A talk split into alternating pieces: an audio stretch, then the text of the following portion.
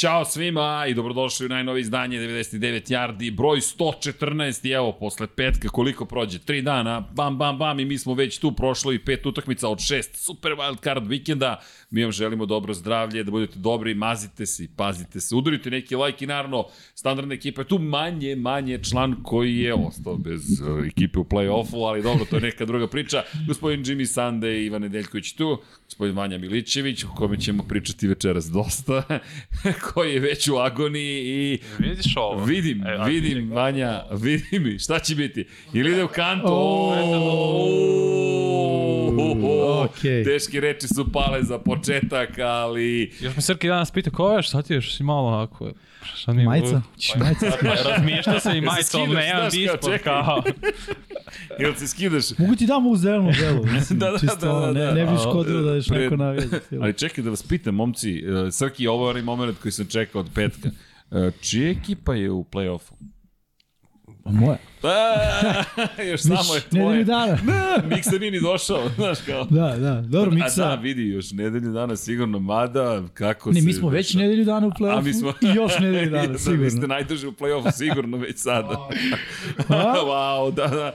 Da, tu je standardna ekipa i kažemo, budite dobri, mazite se, pazite se, uradite nešto pozitivno, dobro, iza nas su utakmice, volimo da poručimo nešto, ne, nešto pozitivno, još jednom srećni praznici svima, mislim da smo završili sa sezonom praznika najzad posle tri nedelje čestitanja svakog praznika koji postoji.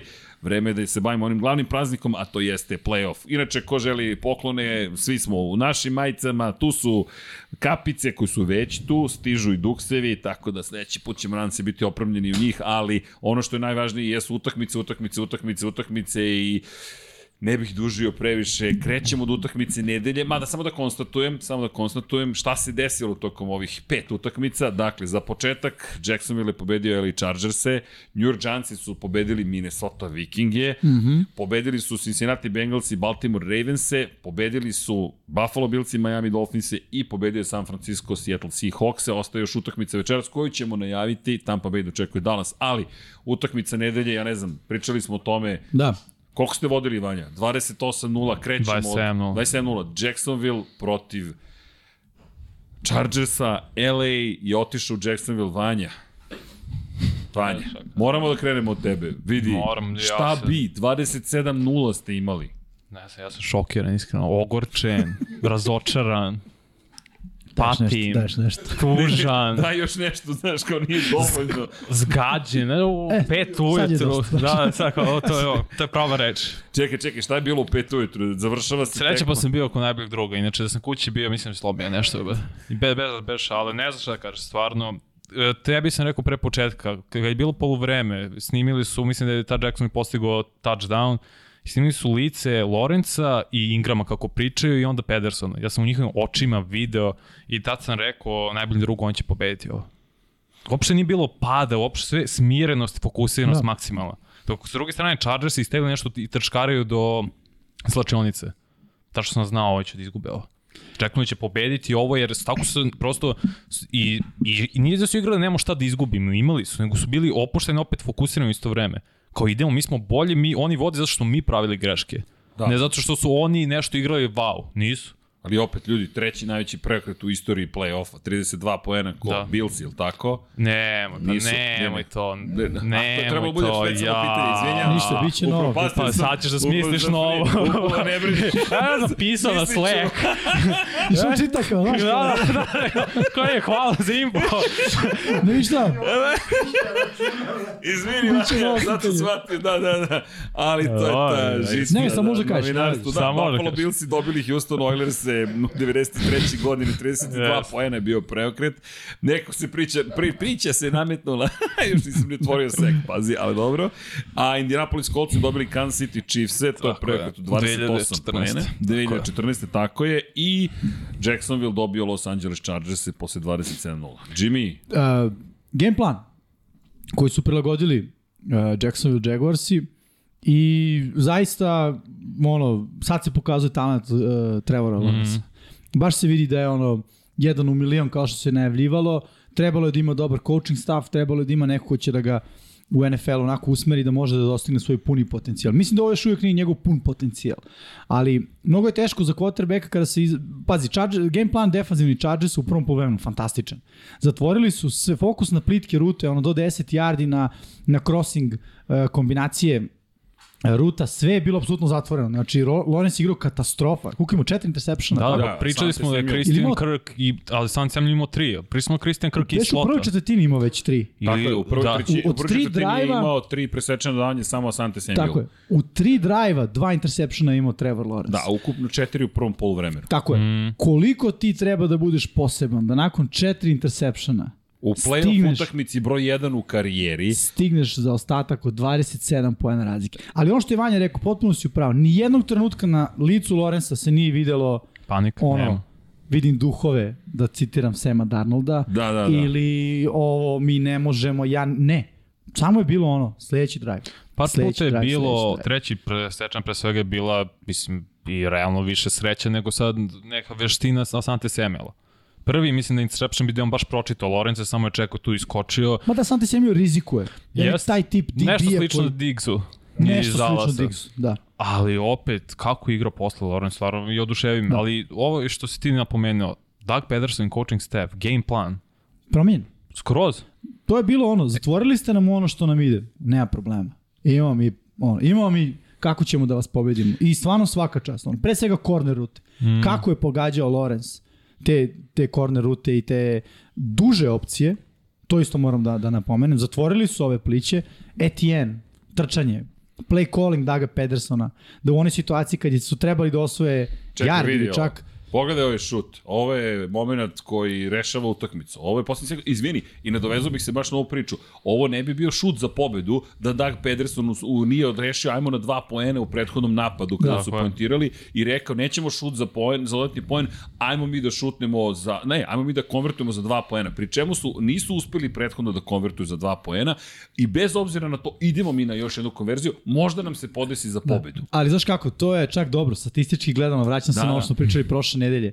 Uh, što više šuteva imaš, to je pokušaja, uh, Veće su šanse veće su da- šanse da ćeš uspeti. Tako je. Da. Kao i ono, ako uspevaš svaki put, svaki put, svaki put, statistika ide protiv tebe, jednom nećeš uspeti. Pogledaj ovaj kadar, jednostavno ti vidiš Chargerse koji Ali ako se ne vrem, bio je prekršen na poslednjem. Uh, tako da, oni su bili jako blizu da, da blokiraju, sam pravo. Da, mislim da Na je ovom bio poslednjem šutu bio je, da, bio je, uh, to se zove onaj leverage, čini mi se, kad, mm -hmm. kad se iskoristiš svoj igrača da skočiš, jeste, jeste preskočiš. nešto da ga preskočiš. Da, ali nije bilo važno pošto je uh, Patterson pogodio. I na kraju ova scena. Da. Justin Herbert koji, Jeste, Justinu Herbertu nedostaje ono što ima Trevor Lawrence. to se Trener. zove trener. To se zove, ne, mislim, ne, ne, ne, E, ajde, nećemo da... nedostaje, ja mislim. Da, da. Ne samo trener, pogledaj ti njihove li, lica, Da. za one koji slušaju Hemiju. na audio podcastima, nasmeri Doug Pederson u zagrljaju Trevora Lorenza i ja mislim da je ovo jedan odnos koji može da, dos, da donese mnogo toga Jacksona. A znaš zašto je ovo? Doug Pederson je ofazni um. Mm Mhm. -hmm. To, svi quarterbackovi koji imaju sjajnu konekciju sa svojim trenerima, oni su uglavnom ofanzivni nastrojeni. Treneri su ofenzivno Tako nastavljeni. je. Da, To nema Herbert sa Staleyem. Njemu je glavni lik s kim priča Joe Lombardi, ofenzivni koordinator. Nije Staley. Staley je više fokusiran na odbranu, koji je radio super posao, ali napad i njegov play calling, da je on sad postao konzervativan. Gde nije išao na četvrtom downu, nego išao za tri pa su omašili, gde je trebao više da trči naravno, ali od prošle godine gde je on riskirao sve, da ovaj, ovaj sad playoff meč gde nije ništa skoro riskirao, da je to Doug Pederson radio i njemu su uspela, a ovom nije. To mi je isto šokantno. Da je takav 180 stepeni napravio da. promenu u odlukama Staley, da li se uplašio momenta ili kao nećemo da idemo, a išli su u gorim situacijama pet puta. Reći ću ti nešto iz, iz ličnog e, iskustva trenerskog koje je naravno na mnogo nižem nivou od NFL-a. A, nije lako da održiš prednost kad imaš prednost, pogotovo u američkom futbolu. Mm. -hmm. dešava se da ono imaš četiri touchdowna razlike, četiri posljeda, da kažemo, razlike i da u tom trenutku misliš, ok, sad samo treba da bude kraj, oni su poraženi, to je to i onda krene. Greška. Touchdown. Drive koji ništa, punt. Dobar drive, touchdown. Već je to 14. I dalje nema panike, zvanično, ali u sebi panik mod samo stiskaš ono, bukvalno jer jesi u fazonu da li je moguće da ovo može da se desi. I onda kreću loše stvari, tebi da se dešavaju, dobre Tako stvari je. da suprotnoj strani da se dešavaju. Uopšte nije lako privesti utakmicu u kraju kada se vodi, uh, kada je velika razlika. Nije prvo- Pogotovo u play-offu, pogotovo, znaš, kada ti razmišljaš, ej, vodimo četiri poseda razlike. Sledeća nedelja. Ajmo samo privedemo kraj Presekli sledeća smo nedelja. dodavanja njihovog kvotrbeka četiri puta. Odbrana radi posao, napad radi posao. kod Pritom, ničega. se muči za svaki yard. Znači, svaki to nisu, yard, nisu bili big na- fumble je isto bio koji su uzeli Chargers, to je pet izgubljenih lopti imao Da. Jackson. Ali što je odlučilo je prekrenulo malo kraj polovremena fumble Chargersa. I što Handy, ja ne znam ko je ovde pogrešio, Handy kao da se sklanja od lopte, jako mu Herbert uruče, sad ne znam da li on pogrešio akciju ili u čemu je bio Moguće. problem. Na kraju to nije, nije bio fumble, nisu izgubili loptu, ali ta akcija je mogla da reši. Ali ja se slažem s tobom da je ostalo na polu vremenu 27-0 i nešto slično. Mislim da biste da bi drugačije bio ulaz. Jer ti imaš 17-0 u prvoj četvrtini, 10-7 u drugoj. Tu već se vidi Već se vidi promena. Sustizanje, Dakle, tako je. I sad, ja, to je moje ubeđenje, ne znam da li se slažete sa mnom, da ne dozvoliš u momentu kada imaš toliku prednost, da ti dominiraš terenom, da specijalni timovi, ne, ne mogu reći, da, ali amo ovako, nek su egal. Tvoja odbrana je bolja od njihove odbrane. Tvoj napad je bolji od njihov napad. Ulaziš u završnicu poslednjih par minuta poluvremena i tu mislim da je kritično da ne dozvoliš nikakvu nadu protivniku, bilo kakvu, ni tri poena da ne postigne i mislim da si upravo da se tu desio upravo moment koji negde najavljuje Evo šta će uslediti. Da, da, Da. da. pravo si, apsolutno. Ja bih samo rekao, nije to važno da li tvoja odbrana bolja od njihove odbrane. Važno da li tvoja odbrana bolja od njihovog napada. Da, da, da. I okej. obrnuto. Obrnuto, Jer, pravo znaš, si. ne igraju odbrana protiv odbrane, napad protiv napada, ali razumeš šta, šta si hteo da kažeš. to. Ekipa koja, ali nije to bila dominacija Chargersa. Mislim, ne znam, recite mi vaš utisak. Ja nisam nijednog trenutka osetio da Chargersi apsolutno dominiraju uh, situaciju na, na terenu. Defanzivno da, ofanzivno Ne, da, tu i tamo. neefikasno. Prvo povredio se i levi tackle, u čini se druga četvrtinka je bilo. Deandre Carter se isto povredio. Bile povrede sve u napadu. I ti sad nemaš, bukvalno nemaš hvatače polako. Mike Williams ne igra. Da, da, i tu To se je vidio. ključno. I to se vidio. Neefikasan ti je napad zato što nemaš više dovoljno oružja u napadu ti to iskoristiš. Jackson imao četiri seka. Prošle nedelje smo rekli, to jest u petak smo rekli da njihov pes raš ne funkcioniše. Zašto ne funkcioniše? Otfanzivna linija, polako su krenule povrede, onda Zion Johnson malo, malo pa žuta zastavica napravi full start. I ti ne možeš to na, da, da nadoknadiš.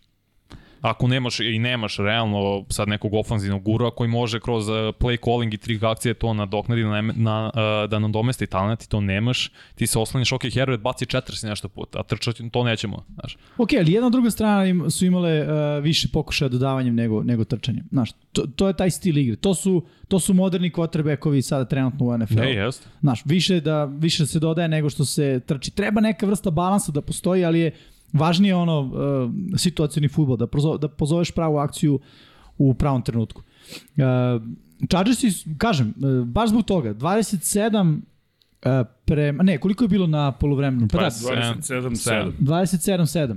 Uh, to je rezultat, to je taj rezultat nije bio um, nije se desio zato što je napad Chargersa gazio, a odbrana radila svoj posao. Bilo je obrnuto. Odbrana je radila fantastičan To, to. posao, da kažem, gazila napad mm -hmm. Jacksonvilla, a napad je odrađivao posao. To je uvek onako scena postavljena da failuješ u drugom poluvremenu. Zašto? Uh, napadi naprave prilagođavanja, naprave taj adjustment. Pogotovo trener kao što je Doug Pederson. Napravio je taman toliko dovoljno da napad profunkcioniše i da krene. Ne da bude dominatorski napad i da Sara gazi sve pred sobom, ali da radi dovoljno. Odbrana se utegla onoliko koliko je bilo potrebno i još jedan veliki, veliki problem Chargersa koji je veliki problem i Billsa, posjećamo o tom meču. Ono, živiš i da kažem umrećeš U rukama svog u rukama svog quarterbacka, ne zato što je on osrednji ili loš, Tako si postavio stvari. tako si postavio stvari. Bukvalno si postavio stvari, e danas je loš dan, jednom od njih dvojice, ćao. Tako je. Svi ostali moraju da trpe. Kao kada da bi... izvuče? Tako je, kao kada bi ono, mislim, nije, nije dobro, znaš, da, ako je timski sport, a timski je sport, Jeste. treba, ok, može da ima quarterback doprinos malo veći, ali ako ima 11 igrača u napadu, da kažemo svaki doprinos sa 9%, nek ti quarterback bude 15, a sve ostale rasporedi, ali ne može quarterback da bude 40 Single i 10 igrača po of 6%. failure, popularni. Šta je jednako za Bills i za Chargers? Njihovi glavni treneri su defanzivni, uh, def, defanzivno orijentisani. I, i McDermott i Staley. Jesu, I- ali jedna varijabla samo koja se razlikuje što su ča, Billsi izgubili svog ofenzivnog koordinatora koji je sada to. tek vidimo sa Giantsima Upravo to. doveo do toga da Josh Allen bude Josh Allen. Ne, upravo to, ali ove godine Josh Allen je počeo mnogo više da rizikuje, da gubi lopte, možda i to zašto nije tu Dayball, ne da ga kontroliše, nego samo malo spusti Vidi, gas, da malo. kontroliše play calling. Da kontroliše akcije. Znaš, ti, ti mora- moraš da vidiš kada tvom quarterbacku aj neću da sad da dužimo o Josh Allen, ali slično Justin Herbert. Ono, High to low su ridovi, uvek. Uvek se prvo baca duža lopta, pa ako nema, onda ću, onda ću kraću mm. -hmm. loptu. Uvek želiš da rešiš protivnika u jednom playu. U tri akcije, ono, drive, četiri akcije, touchdown za minut i 20, ajmo sledeći. Znaš, ali znam, to nije dobro, to nije strpljivo. Ali ajde, ajde ovako, e, ovo je savršena oluja drugom poluvremenu protiv, protiv Chargersa. Zašto? Da su Chargers igrali za nijansu bolje, ne bismo sada sedeli i pričali o tome da je pobedila ekipa Jacksonville. Da su za nijansu loši igrali Jaguarsi, ista priča. Dakle, mora da se desi sve praktično. Vidi, jedan poen na kraju.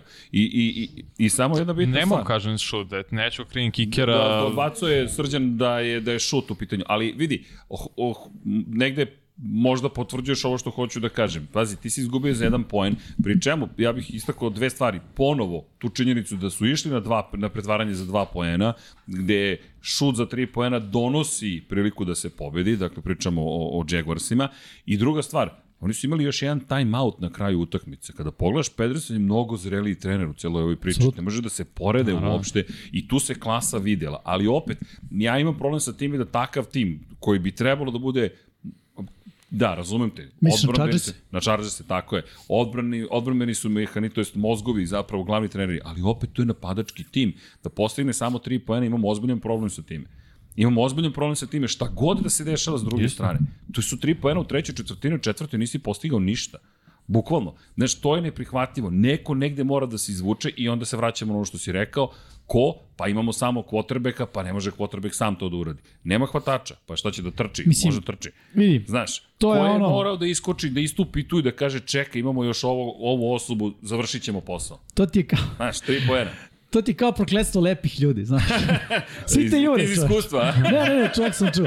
Svi te jure, znaš. I sad ti treba izabereš tu jednu osobu s kojom ćeš da budeš ceo život, znaš. Tako i ovi, prokletstvo dobro quarterbacka. Sve može. I može. I često može. Ali- Ima i naravno onoga kada ne može. Ali, dođeš u ovakvu situaciju, kada nema sledeće nedelje, kada nema ispravit ćemo, nego je sezona na liniji, i ono, preopteretiš njega, preoptereti, ne preopteretiš, prvo, preopteretiš ga i postaneš providan. Odbrana zna koja je tvoja glavna karta. Šta ćeš da, se, šta ćeš da uradiš? Tako je, znaš šta ćeš da uriš. Znaš da čim bude bio treći za više od 3 yardi ti baciš pas, to nema govora. Tvoje je samo da odigraš dobro prvi down, da odigraš dobro na drugom downu, da im da ukupno prva dva downa ne dozvoliš da osvoje više od 6 yardi. Što nije teško. Jedan, ako je prvi down dodavanje, nekompletan pas, na drugom downu ukoliko je trčanje, zaustaviš to, 6 yardi je mnogo prosek po trčanju, koliko opet bude dodavanje, limiter na 4 i onda imaš treći za 6 i znaš šta ide. Znaš 100% šta ide. Ide dodavanje, ide Herbert, ide herojski moment. I ono, nateraj ga mali da trči. Neka malo dobije batine. Pogotovo ako na svojoj polovini. I ono, uđeš mu u glavu, znaš, poremetiš mu igru. Kada, kada, kada ekipa igra na quarterbacka, kao s druge strane Bilsi, kao da je odbrana, hoćeš da ga, hoćeš da ga udariš, hoćeš da dođeš do njega, hoćeš da mu daš do znanja da, da, da, da, tu. se čeka njegova greška i Tako. da će je napraviti. Jer statistički gledano ne može da odigra savršen meč. I to se negde i, i desilo. E sad sa druge strane, ono, Jacksonville, mene impresionira zrelost. Doug Peterson to sam očekivao, ali ne u prvoj godini, da Neopravdana iskren. zrelost, ako smem tako da, Da. kažem. Kako si ti kao, jesi ti bio prvi pik na draftu, ali otkud tebi pravo da baciš četiri presečena dodavanja i, I da, da mi se vratiš na teren i da se ponašaš kao da se ništa nije desilo. Pa da baš zato što je prvi pik. Ne, Vanja. Tako je, da. Zato što samo ali pouzdanje Baker je bio kroz prvi kol, pik. ali da, može. Smem nešto. Ovo je bitno zato što ti dugujem izvinjenje. Javno, izvinjavam ti se. Hvala. za Trevora Lorenza. Jacksonville je uzeo ono što nama treba. I ti si bio pravu kada smo izgubili, ja sam rekao ne, mi treba da se borimo za svaku pobedu. Sine, srđane, mnogo si pogrešio. Da, mi imamo Trevor Lorenza bi danas. ste bili u play-off. U York, tako je, Jetsi bi bili u play-off. Apsolutno, nema Apsu, govora. apsolutno, a Jacksonville bi se Vidi. raspadao i pitao se šta ćemo sa Wilsonom. E sad je tu isto pitanje uh, o kombinacije quarterback trener. Naravno, U Jetsima da.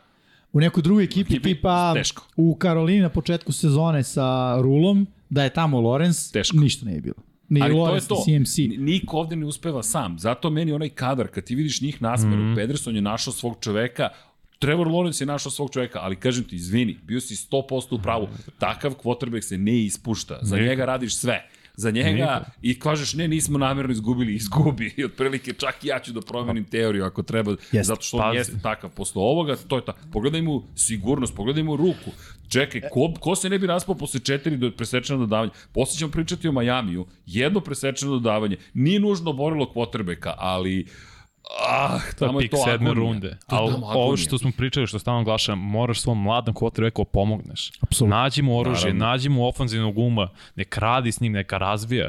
To je put za ove sad mlade quarterbackove i oni će za godinu, dve odmah da iskoče, ako imaju talent. Vidi, ajde da napravimo kratko poređenje sa recimo Joe Barrow, koji isto u prvoj sezoni još sam povredio, ali nisu Bengalsi, ono, ok, vidio se progres, drugu Da. da. sezoni Super Bowl, došli do Super Bowl, nisu ga osvojili. Uh, šta je bilo ključno? Dajmo ofenzivnu liniju, dajmo oružje u vidu trkač, nije imao sjajnu ofenzivnu liniju Joe Barrow, Nije. ali je imao, Imao je sjajno, Korektno. sjajno oružje. da, da daj mu sjajne hvatače, realno, i daj mu dobru trkačku opciju. Joe Mixon je i više nego dobar, ali ono, to je to. Ima vama Etiena, ima kombinaciju hvatačkih opcija gde su ono veterani. Pazi, Ingram, Ingram je neiskorišćen talent, talent bio, tako se ispostavio. Dok nije je. došao ovde.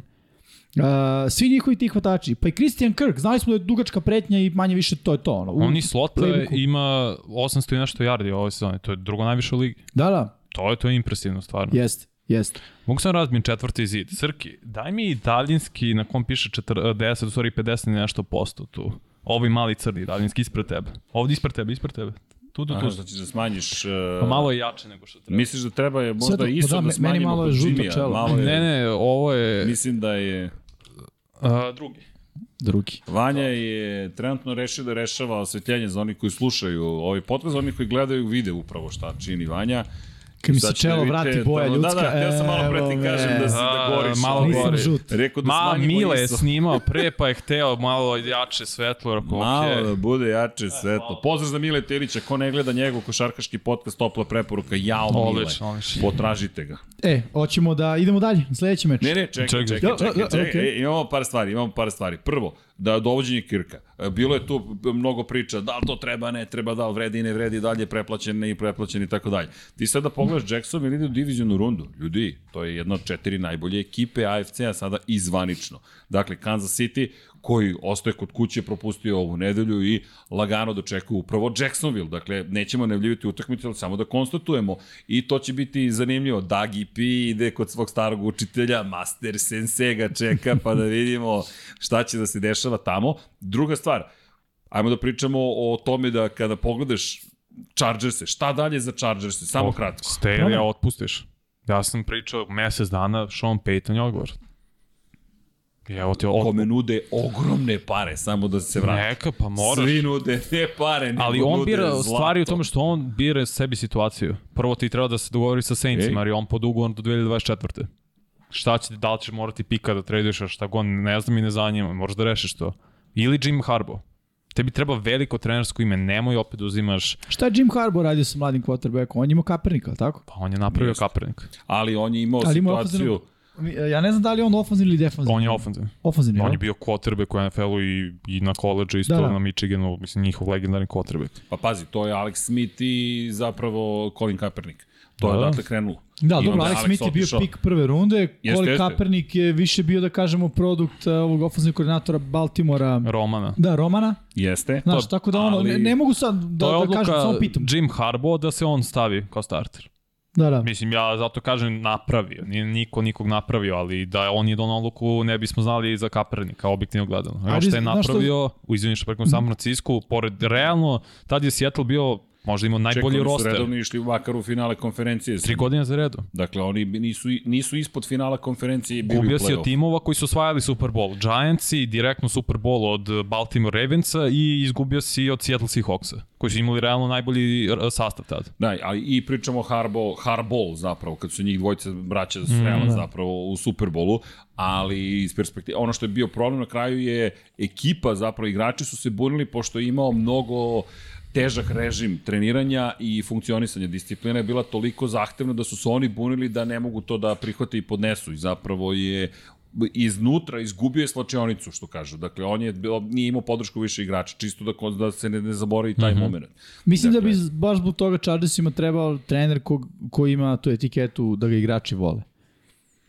Malo ljubavi. Da, ne, ne, ne kažem, mislim, ono, Jim Harbaugh je trener, fantastičan, ali ne znam da li je dobar fit za Chargers i to je jedino ono što sad kao... Kako to da saznaš? Pa nikako, mogu da ga potpišu pa onda da da li će. kao kolači, što kaže Merlin u filmu Excalibur, kad zagrizeš već je kasno. dakle, Meni je Peyton glavni to. kandidat i to, nadam se će to se ostvari. Ne da, znam. ali njega svi jure trenutno. Ali Dobro, kaži, on bira, mnogo. nemaš bolju situaciju da odeš, da li Denver, Arizona, Carolina, kogod te traži, Ja mislim Houston. da, da si u pravu, da je on nemaš savršeno situaciju rešenje, jer ako pogledaš njegov rad u, u New Orleansu i kako je funkcionisao u toj celoj priči, mislim da bi on mogao da bude i taj koga poštuju igrači, ima prsten iza sebe, dakle veruješ u njega, kao Dougie P. Doug Pederson da nije osvojio Super Bowl titulu drugačije, bismo ga posmatrali, verujem i igrači, ali to je čovjek koji zna kako se osvajaju titule. Pobedio New England Patriots u, u Super Bowlu. Znaš, organizuje jedan ozbiljan tim i evo ga sada sa jednim quarterbackom. Sad zamisli Peytona u kombinaciji sa Herbertom. Ja bih se zabrinuo da sam u, u AFC-u ili generalno u NFL-u. Jednostavno mi deluje kao dobra kombinacija. Ali da Ali ostane ne znam. GM Tom Telesco koji stvarno bira fenomenalne igrače i svakoj godine na draftu izabere makar jednog pro bowlera, to mora onda ostane. Ali imam kritiku i bosa koji se iznervirao i dobio kaznu u trenutku kada vam je to poslednje što vam treba, gde Jest. kacige lete na sve strane. Ako si ti lider na terenu, to ne možeš da uradiš. Ne, Bosa je To ne e, može. Mislim da frustriran. nije lider. To je da, Derwin pa, James. Bio je frustriran, znaš. Ali, znaš, ako si ti neko ko se nameće kao jedan najboljih igrača, ti si po defaultu neko koga će drugi gledati. Moje mišljenje da ti frustracija spakuje negde. Ti ne možeš to da dozvoliš, to je preskupo. Ti si u pravu, Srki, samo mislim da najbolji igrači nisu uvek lideri.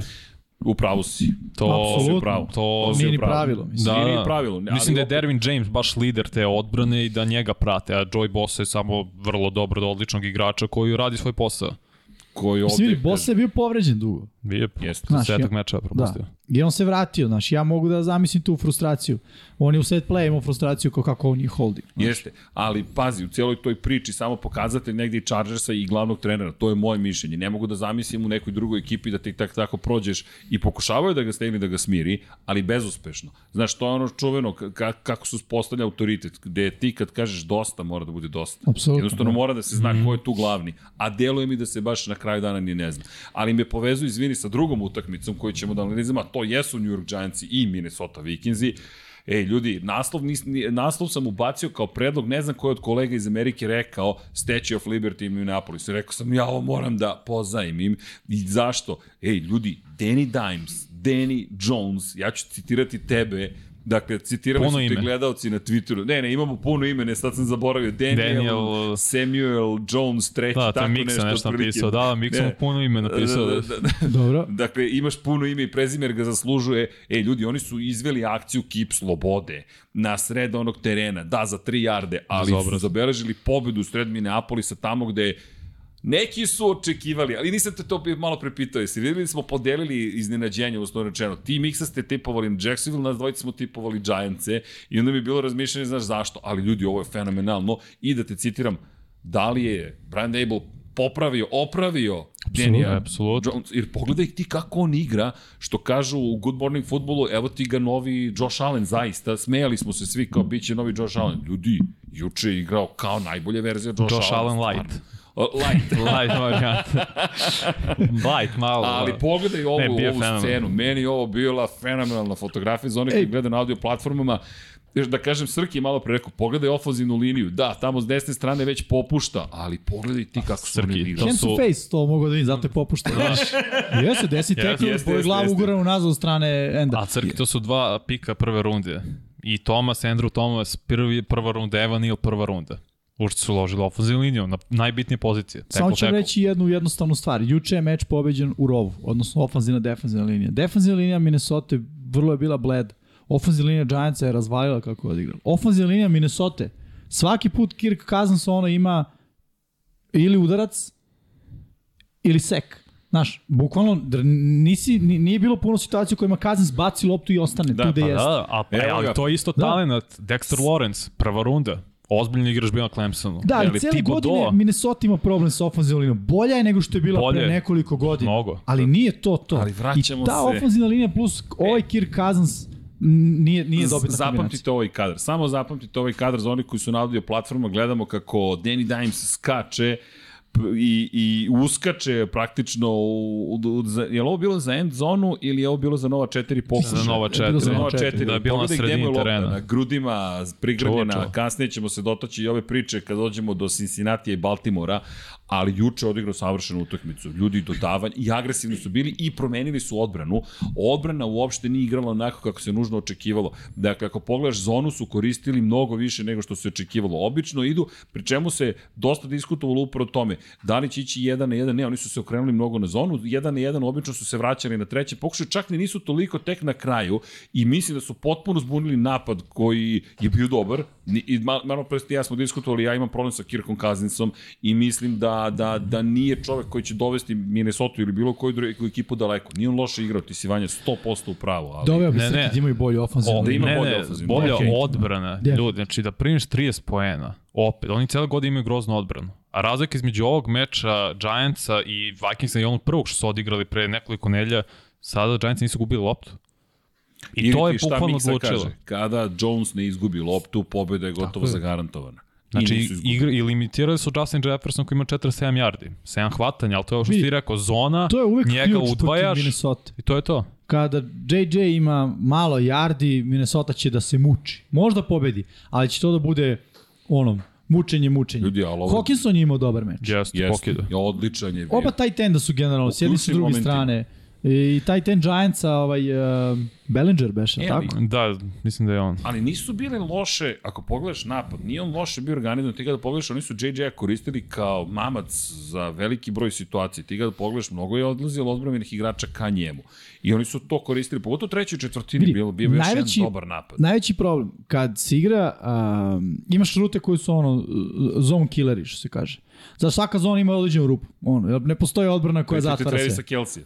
Kako? Kelsey to... Na primer, ima ne Holmes. Čita, nego... To je prirodni talent da se otkrije... Rupa u zoni. Čak da se otkrije, samo da se identifikuje koja je odbrana i svaka odbrana se zna gde, gde je tanka. To je to. Uh, međutim, šta je stvar? Što određena zonska pokrivanja, da bi im našao rupu, treba vreme. To nije imao Kirk Cousins. I često kada je bacao one digove, one duže rute od 10 yardi, kada hvatač prelazi s jedne strane na drugu, Trebalo je vreme da on prođe prvi prozor, drugi prozor da ga pronađe u trećem prozoru. U trećem prozoru, ako, ako dođeš vremenski do trećeg prozora, većina ruta će biti ovaj, uh, otvorena.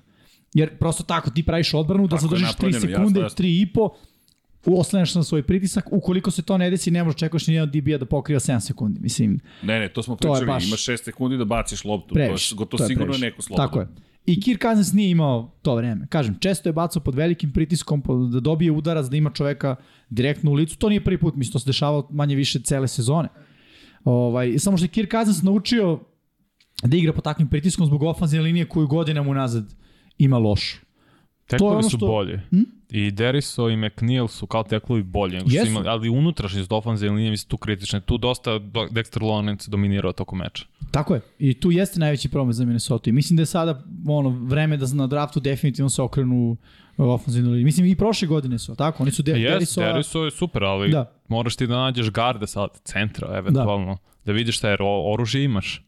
Ali odbranu, ja bi prvo draftu edge rusher, Jest. ne Mislim, ti moraš, ili cornerback, ti, to je grozno. Šta sezona je dobra za njih bila. I ovo je prva sezona za Kevina O'Connella na poziciji glavnog trenera. Yes. Da, i sad kada se postavi pitanje šta menjati, po meni, ono, rob, ofanzivna, defanzivna linija, tu mora da se da se ovaj radi radi bolji posao. Ili generalno front 7 u odbrani, odnosno dodaš malo nekog nekog dobrog linebackera. Su ostarili i Hendrix i ko je bio... Ma da, ali i Hendrix već duži niz godina onako da kažem živi na neku staru slavu. Znaš, on je imao... Uvijek je dobro u coverage. Jeste, ali ti od linebackera hoćeš prvenstveno da bude dobar u ono, run stopu. U coverage-u neko odradi posao. On je obrnut, on radi posao u, run mm -hmm. stopu, a dobar je u coverage-u. Da, da. Mislim, ono, zavisi kako se... Um, kako postaviš celu odbranu, ali da bi on mogao da bude uspešan Njemu je potreban partner, kao što je ne Milano to, i Edmonds. Da, ali mu treba dobar ono, interior D-line. Mm -hmm. Da on može da se osloni, da sa time, ako je ono, da odrađuje posao u run stopu, da, da zna da će D-line da odradi svoj posao i da njemu bude samo jedan na jedan na obaranju ili da zapuši svoj gap i to je to. A u ovoj situaciji koji sad se nalaze Vikingsi, nije to baš idealno. Nije to baš idealno. Giantsi sa druge strane, ono, mnogo su opasni mnogo su opasna ekipa, ekipa koja ima zalet, ekipa koja je godine pobeđivala uh, neke ekipe za koje nikad nismo mogli da vidimo da će da će da ih pobede. Ekipa koja je igrala ono svaki meč, mislim da ih niko nije razvalio ove godine. Možda možda jedan meč. Mislim da je Dallas, možda čini mi se. Moguće, moguće. da je Dallas. Ali ajde, divizijski rival pa kao možemo da pripišemo tome. I Barkley isto imao sjajan meč, on lepo Jeste. istračao, baš je ona akcija bila, da, da, za touchdown, sa problem, E, hvala. Još Barkley i Daniel Jones najbolji trkači, to je pre svega Daniel Dan Jones. Jones je postavio istoriju. Mm. Ovo je iz perspektive quarterbacka te preko 300 yardi kroz vazduh. Trčao je za preko 70 yardi. Čovjek je dodao dva puta za touchdown. 24 je uspešno dodavanje od 35 pokušaja. Nijedno presečeno dodavanje. Mogu da dodam još jednu stvar. Ko je njegova hvatačka opcija broj 1? Nema jasne. To mora se bave. Vidi, ne moraju, što je najbolje od svega. Jer je tako dobro napravljena šema da u ovom trenutku ne moraju da imaju jednu zvezdu, zvezdu. Možda za dve godine, recimo, kada već taj napad Briana Daybola bude, aha, okej, vidimo šta radi, mm -hmm. ovako ćemo da ga zaustavimo. Ja mislim mora sledeće godine. Mislim da moraš da draftuješ hvatača broj 1. Ako hoće pucaju na Super Bowl i osvajanje, da. Pa, mislim da je godine to. definitivno. Samo što za Giantsa ukratko njima i Daniel Jones slobodan agent i Barkley je slobodan agent. Mislim da imaju odbran još par njih. Ti moraš to da rešiš sad interno. Mislim da će vratiti obojicu, zavisi pod kojim cenom, naravno. I posle ideš dalje. Andrew Thomas ćeš morati da platiš sledeće godine, levi tackle. Što Da. znači da će verovatno da ako nastavi ovako da igra, biti najplaćeniji levi tackle. I tako, to su slatki problemi Giantsa koji stižu za Minnesota. Ti si u pravu, defanzivna linija mora pre svega. O napad ne bi ništa dirao. O Ja bi Connell je... online dodao. Sem toga. Mislim, nisam oružja ni šema, ovo Conley je ofanzivni um, nema tako potrebe, da nema da. potrebe to se menja. Moram Da. samo Jimmy da te obradujem. Znaš ko je baš pregazio Giantse? Fila, jel? 48-22. Pa dobro, ali u tom trenutku je bio Čisto- dobar. Čisto da. da. da konstatujem, Detroit ih je dobio 31-18, kada je reč o nekim većim pobedama i Seattle 27-13. To su utakmice koje su Da. da. izgubili sa malo više. Ostali poseda. porazi nisu bili toliko dramatični. Čak ni protiv Dallasa to je jedan posed lopte 23-16 je bilo. Da, okej, onda smo nešto samo permutovali. Da, ali Vratno se generalno, opet, divizija je ta bila koja je bila dominantna. Izgubili su od Minnesota 27-24, ali evo, slatke male osvete. I vi ste ih pobedili 22-16, ali dobro, to je specifičan meč. Poslednje nedelje niko nije praktično tu se... Da, Trećim da. timom, malo. Tako. Da. Giantsi pogotovo se tu nisu trudili, vi ste morali da obezbedite samo poziciju broj 1, što ste i učinili.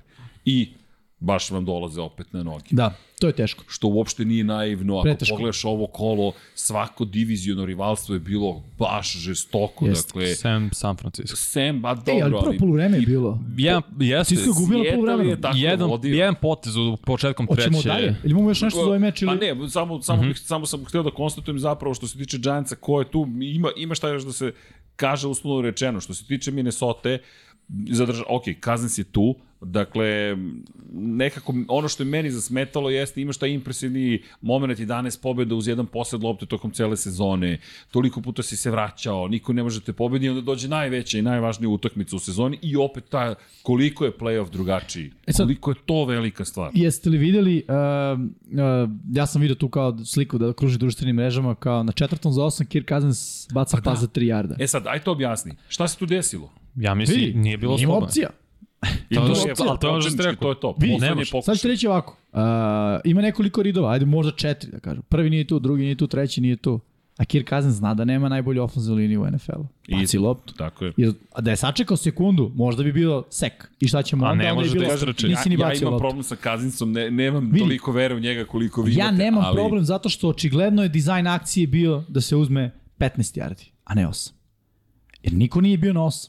Jasno. Ako pogledam akciju, bio je taj tent da uzme 5 i čini mi se da sve ostalo bilo da se uzme 10 ili više. To je isto e, stvar o kojoj treba pričati, znaš. Ti ne možeš da radiš Kirk Cousins da baci rutu 9 yardi ako je naj, najplići hvatač na 14. Kako? Kome da baci? Nema nikoga. A nema Znaš, tu jedan opciju drugi da rid, istrči. treći nije tu. Ne, ne, to nije realna opcija da A istrči. to nema, prosto to može Daniel Jones On- da uradi. Jer vidi, on, on je na 8. Uzme loptu u š- iz shotguna koji je već 5 yardi nazad, dropuje se još 3 yarde, to je 8 plus 8, 16. Kirk Cousins treba istrči 16 yardi, a da pritom ne stigne niko do njega iz odbrane.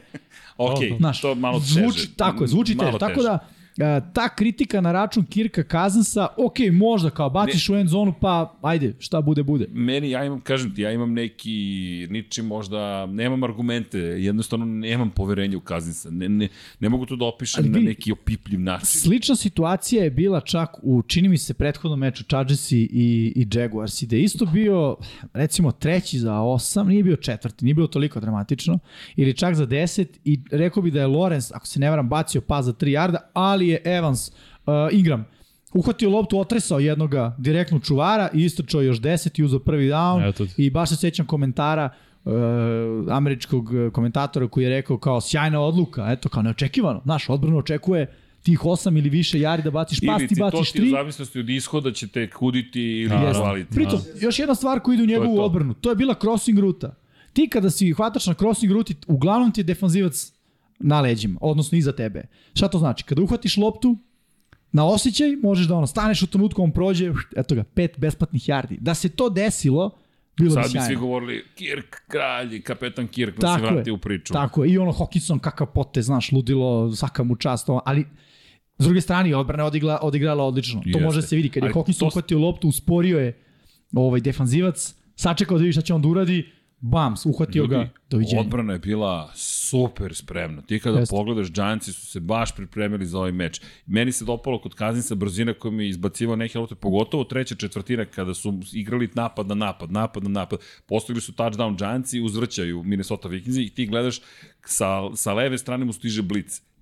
I, i iako stiže blic kojom brzinom se izbacuje lopta gotovo, slobodan je igrač to je osvajanje nekih 15-20 yardi i baš je dobro izgledalo pa i konačno kada pogledaš taj to poentiranje za touchdown JJ koji ide na levu stranu povlači tri igrača sa sobom i taj tent koji je slobodan Sam. potpuno u endzoni sam kao duh stoji i, a ti vidiš tri igrača koji čekaju da zapravo da Jefferson završi posao ali to se ne dešava Da, i možda kažemo i Slayton i moje, mislim, da ne bi bilo poslednje akcije, pa da, da bukvalno je u, u grudi. Nema nikog okolo. Sami mogu da uzme prvi dan, ali ono, okrenuo se pre nego što je uhvatio loptu i to je to. Da. Moment neko, dekoncentracije. E, to je nešto gde Giantsija može da hvali, da fali uh, hvatačka opcija broj 1. Te takve situacije. ključni momenti ključni momenti, da je bilo obrnuto, da su Giantsi jurili rezultat i da su imali četvrti za osam. Znaš, ukoliko bi pritisak stizao, pitanje je bilo kome bi ta lopta išla. Da. šta Ono. dalje za Vikinge Pa ništa, ofanzivna linija, I da, defanzivna unutar, odbrana. unutrašnjost linije. odbrana. Da, defanzivna linija. Vidi, odbrana generalno. Mislim, Pa tanki su svuda. cornerbackovi svuda, baš su grozno. Svuda su tanki. Svuda Bilo su je jedno od tanki. najgorih odbrana u ligi, mislim, to je očigledno. A u diviziji dalje, ja mislim da dobro, pristojno stoje. Imaće Stoje. Lionse malo oporavljene Da. i Green Bay vidjet ćemo šta će biti tamo, šta se dešava i Vidi, svako će biti zanimljivo. E, ja sam rekao za. Green Bay, Green Bay fali edge rusher i hvatač jedan. I to je to. Njima je nedostaje rusher, se povredio Gary, njima fali još jedan u rotaciji, kvalitetan edge rusher i još jedan hvatač. I to ti to. Ili tight oni, end. oni da daju kuću da dođe uh, Odell Beckham, da se vrati Adams. Stvarno, ne, ne, ne, da dođe Odell Beckham i da, što kaže Draft. Vanja, draftuju nekoga edge rushera, neka daju pikove za Beckhama, to je još dve, tri godine zajedno. Ne moraju za Beckham, što? Pa, da, bravo, agent. Beckham je slobodan agent, samo, tačno. Uh, neka mu daju pare. neka mu daju pare. Show me the money. Da. Ej, pa ali vidi, to će biti zanimljivo i za, i za Giantse. Giantsi znamo šta ih čeka, čeka ih sledeća utakmica i dosta su svi... A šta Da. ako Beckham potpiše za Giants A, sada, To, to, to sada. Sada. tipa sutra? Vratio sam se. Može, Može, može, možeš. slobodan agent.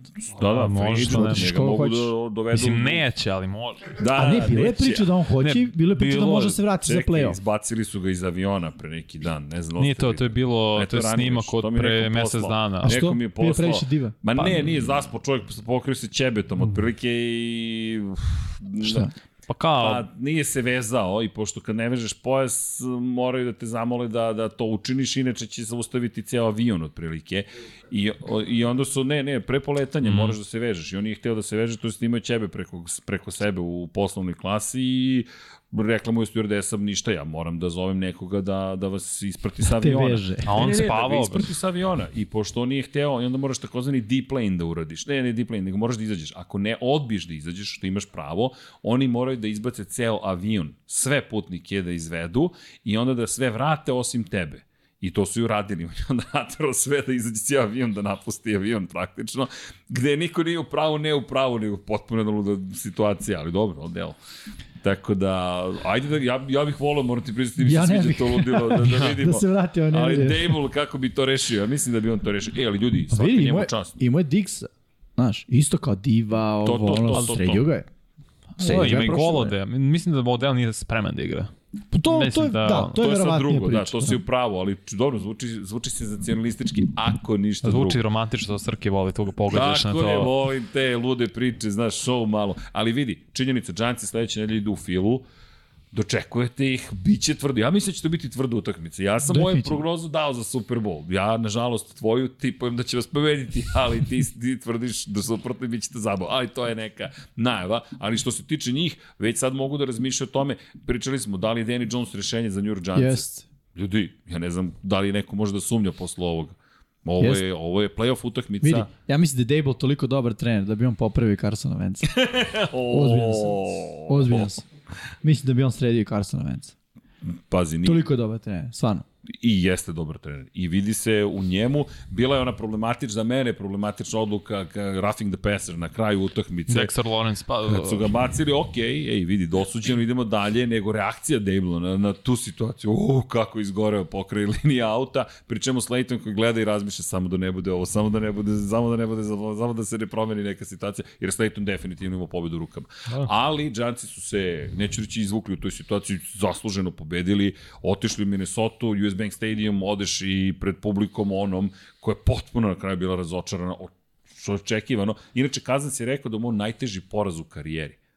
Da nikad gori poraz nije doživeo od ovoga. Dobro, mogu da razumem.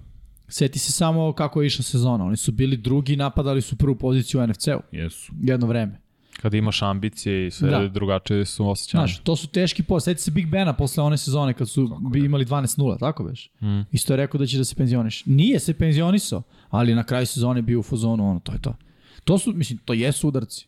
To stvarno jesu udarci na, na, na, na psihu i na, i na, znaš, ti cele godine veruješ, cele godine ideš ka tome i negde onako jeste, ideš ti utakmicu po utakmicu. Ali u nekom trenutku, evo kao i ovde, siguran sam da su Vikingsi već o, onako imali neka, neku vrstu razmišljanja kad dobijemo Giantse na koga idemo posle. Ali eto, nije, nije, nije im se to desilo, mislim, kažem, ono, mo, mogu da razumem zašto mu je ovo najteže. Jer vi, uvek je teže kad izgubiš, a bio si favorit. Kad izgubiš, a nisi bio favorit, nije ti toliko teško. Odnosno, tešiš sebe s time, ej, ok, možemo, odigramo, znaš, sledeće godine bit ćemo bolje, a sad, šta, šta da kažeš sad? Bio si drugi, veći deo sezone u NFC-u, ok, došao si na treće mesto, šta ćeš da kažeš? Nema veze, bit ćemo sledeće godine bolji. Kako? Od čega? Od Imao, koga? koliko su imali na kraju? 13-4. 13-4. 13-4. Šta trebuje? 16-0. E, bože. 17. 17-0. 16-1. Šta? 15-2. Teško, Teško da je. možeš više od ovoga. Baš je teško. Ja mislim da će pre imati 12 pobjeda naredne godine ili 11 Tako i boriti sa se jačim Detroitom diviziji. Tako i vidjet je. ćemo šta će biti sa Green Bayom. Chicago će verovatno biti Chicago respektabilnija ima ekipa. ponovo prvi pik, Da. da. sređuju se, polako će se Jest. to negde uhodati. Ovo je bila godina kad su diviziju rešili prilično lako. Sa Green Bayom koji se raspada na početku, pa se posle... Ja mislim da nisu Skupljao. da divizijona runda morala da bude obaveza za ovu ekipu, da to moralo Tako da je. bude minimum koji ti ostvaruješ u play-offu, ne wild card weekend, ali podsjetnik opet koliko je ovo sve teško i ti imaš taj one and done, Me- mene to oduševljava istovremeno, jer to ono što si rekao, ej, gotovo, ovu utakmicu izgubiš. Ćao, Da, da, sledeće je u septembru. Znaš koliko imaš da razmišljaš o tome šta se desilo. Baš je agonija. Ali agonija je još veća bila na sledećoj utakmici koju ćemo analizirati gde je Baltimore imao ozbiljnu priliku. Da, neočekivano, ali možda i nije. Ipak je to divizija. To su i dalje ekipe Pa koje jeste. se ne podnose, ali Bengalsi 24-17 na kraju. Ali znaš, znaš zašto neočekivano? Samo zbog quarterback situacije. Mm. Nemaju Lamara, nemaju, nema identitet ekipe. Mislim, to jeste, ok, Baltimore i odbrana, to je nešto što će očigledno zauvek biti identitet te ekipe, ali kada govorimo o napadu, ono, prvi put posle koliko, možda i ikada, imaju quarterbacka koji je lice napada. Jeste ikada. Pa dobro, i Verovatno jedan ikada. period. Ko? Pa onaj playoff Joe Flacco, Flacco, da kažem. da. Ok, Ajde da dobro. kažemo, ali da, upravo Ali si. ono, Odbrana je uštopovala Joe Barrow. jeste. I ceo Joe napad Barrow, generalno. Jeste, ali Joe Barrow je tek u trećoj četvrtini imao onaj drive, da imao nekoliko sjajnih dodavanja. Ćemo da bacimo jedan free bet. Ako si smislio pitanje... A imamo samo jedan. Ne, imamo tri, a... A mora već- prvo pa, moje pitanje Pa da ti bude. si već jednom potrošio. Jedno sam potrošio i odgovorio na njega. Jel ja to dobijem free bet? Inače, Može. neko nas je pitao da, kada će da aktivira Admiral, to moramo da ih obavestimo. Dakle, Uh, poslao sam danas našoj koleginici Sari, tako da će ona Dobro. verovatno već sutra da pošalje. Ja ću da smišljam sad dok vi pričate. Ti smišljaj. Odmah ću da smislim. Pa ć- možemo drugo onda Ne mogu setiti šta je bilo drugo, ali pogledat na Slacku, Tako se napisao ni ja sam. nisam setio prvog. Pa sam A ja sam pisao na Slack. Sve je Ne, upisano. me, sačekam prvo, neka Srki nađe zamenu, pa, Pa da, ćemo onda drugo to- da ostavimo. Ali drugo. odbrana je sjajna bila i trčanje je zaustavila stvarno i maltretirala je Joe Burrow. Jeste. Problem Bengalsa jeste što se opet ofenzivna linija povredila. John Williams se povredio, mislim da neće igrati naredne nelje protiv Billsa, već nema desnog tekla i to je ozbiljna stvar za Cincinnati Bengals jer se vraća nešto što su imali prošle godine. Koje može opet baro da trpi konstantno udarce i sekove i da ostane ono netaknut, kao nije mi ništa. Na ovom meču je očigledno nije bacio interception, ima izgubio loptu, ali imao je samo 202 yarda, samo jedan touchdown. Četiri seka. Tako je. Četiri puta je zapravo bio, bio sekovan. Mislim da je bio udaren 8 puta pored toga, mislim, Da. maltretirali su ga. Jesu, jesu. Ne, ne, odbrana Baltimora je zaista odigrala dobro. I kompletna odbrana. Ne sa kao ono, da kažemo, ne znam, sekundar je zakazao. Ne, ne, stvarno su svi igrali dobro. I oni su bili razlog zašto je Baltimore imao šansu. Imao je šansu celu utakmicu. Ali, ajde samo na trenutak četvrta četvrtina koja je bila ta odlučujuća četvrtina, nije bilo puno poentiranja u toj četvrtoj četvrtini. I da, znam da ne odlučuje obično jedan potez, ali ljudi, mi moramo ovim da se pozabavimo. Trenutak koji skupo košta, zašto? Zato što ti imaš Bio četvrti pokušaj. već. Bio je treći pokušaj. Treći pokušaj, ti si na dve jarde, na E, dva jarda Srki- od ulaska u end zonu.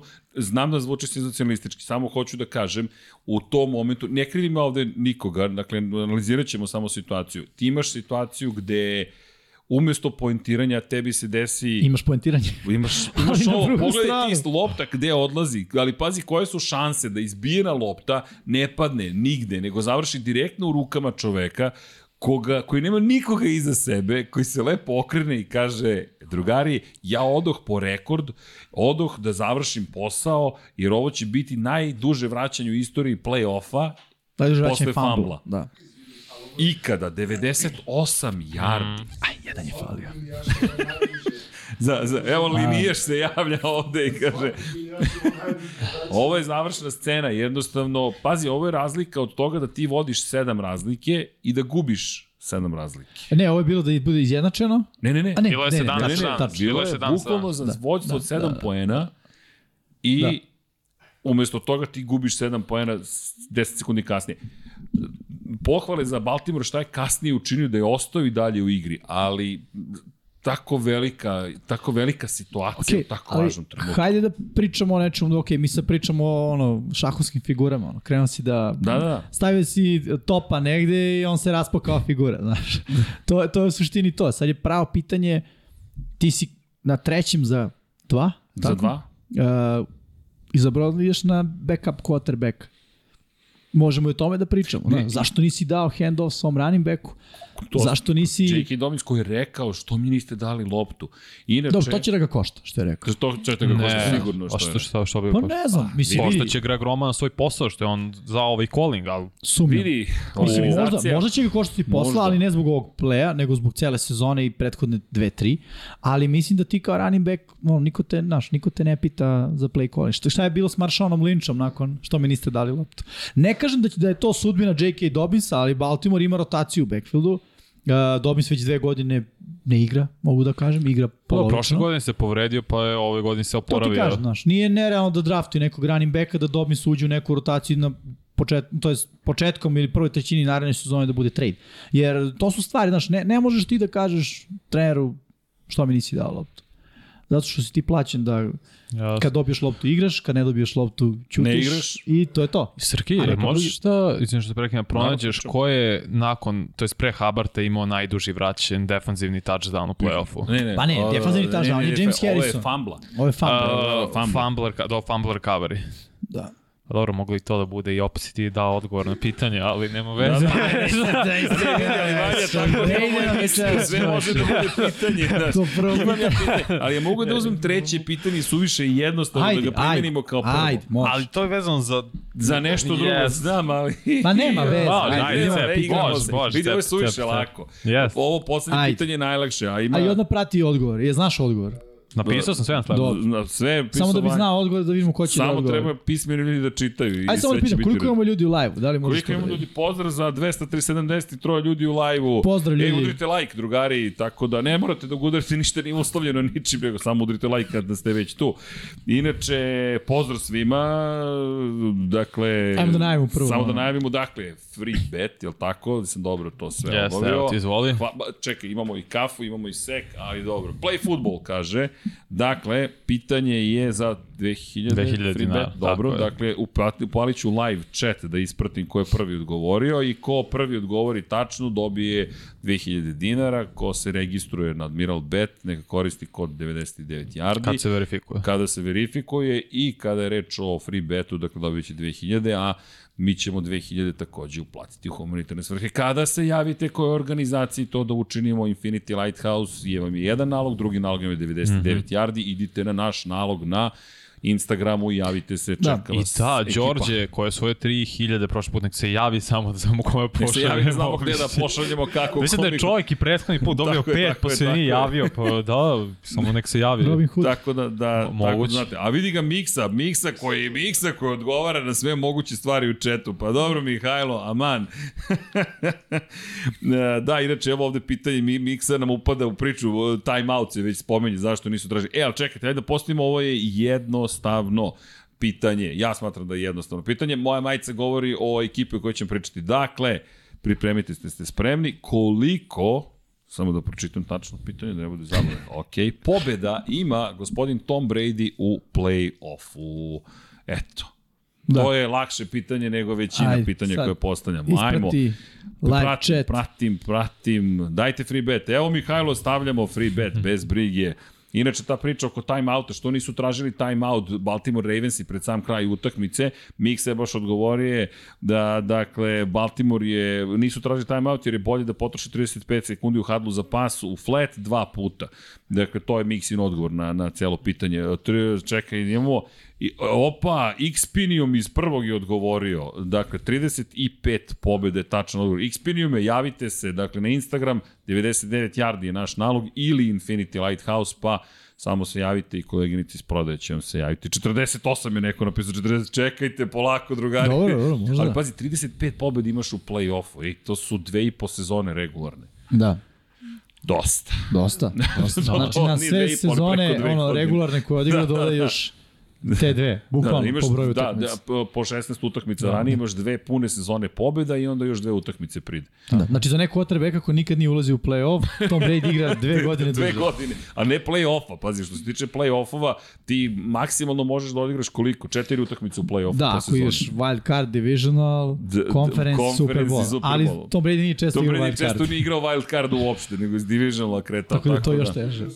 Ali igraju sve play-offove ikada, da, da, Da. da. od kad postoji praćenje NFL-a. No, šalom stranu, igraće večeras, ne zaboravimo, to će Mihajlo i, i, Nenad da, i Šone da rade, tako da znate. 2384,29 pobjeda. tu smo negdje, ali ovo je lakše pitanje. Dobro, imamo pobednika. teže. Tako je. Evo, Srki, odgovor za timeout je sarkastičan, kaže Mihajlo. Pa to sam ja teo da te pitam, pošto mi zbunjujuće da potroše 35 sekundi, jer ti dođeš u situaciju da ti trošiš vreme, imaš timeout, zašto ne bi pozvao timeout? Inače, to sam zato sam teo da kažem, ta četvrta četvrtina je generalno kraj. Baltimore izgubio prednost koju je očigledno imao. Ne bih krivio quarterbacka sad zašto je skakao. I malo pre smo pričali Danny Dimes koji drži loptu ovako, a ti gledaš jednostavno rezervnog quarterbacka kome je dato da šta, Pazi. preskoči. Svaki rezervni quarterback ima rok trajanja. Jasno? Ne u karijeri, nego u utakmici. Setimo se Joshua Dobbsa, Titans i Jag Jagsi prošle nedelje u regularnom delu sezone. Počeo jako dobro. Svi sem Nick Foles. Svi sem Nick Foles. Dobro, nije loša teorija. Mislim teorija. Da. Ovaj, uh, da, ali, pazi sad šta mi se imalo. Doug Pederson, To, to, a realno, koji stavi svog quarterbacka u dobru Jeste, situaciju. jeste. Ne kažem da uh, John Harbaugh to, to ne radi, ali mi se čini da su Ravensi generalno malo više tražili od Huntleya nego što Huntley može da, da, da pruži. E sad naravno, tu su sad one neke stvari koje su dodatni problemi Baltimora u smislu ti cele godine i sa Lamarom, tvojim prvim quarterbackom koncipiraš jedan stil igre koji je ono diskutabilan. I onda sa, Provaljen.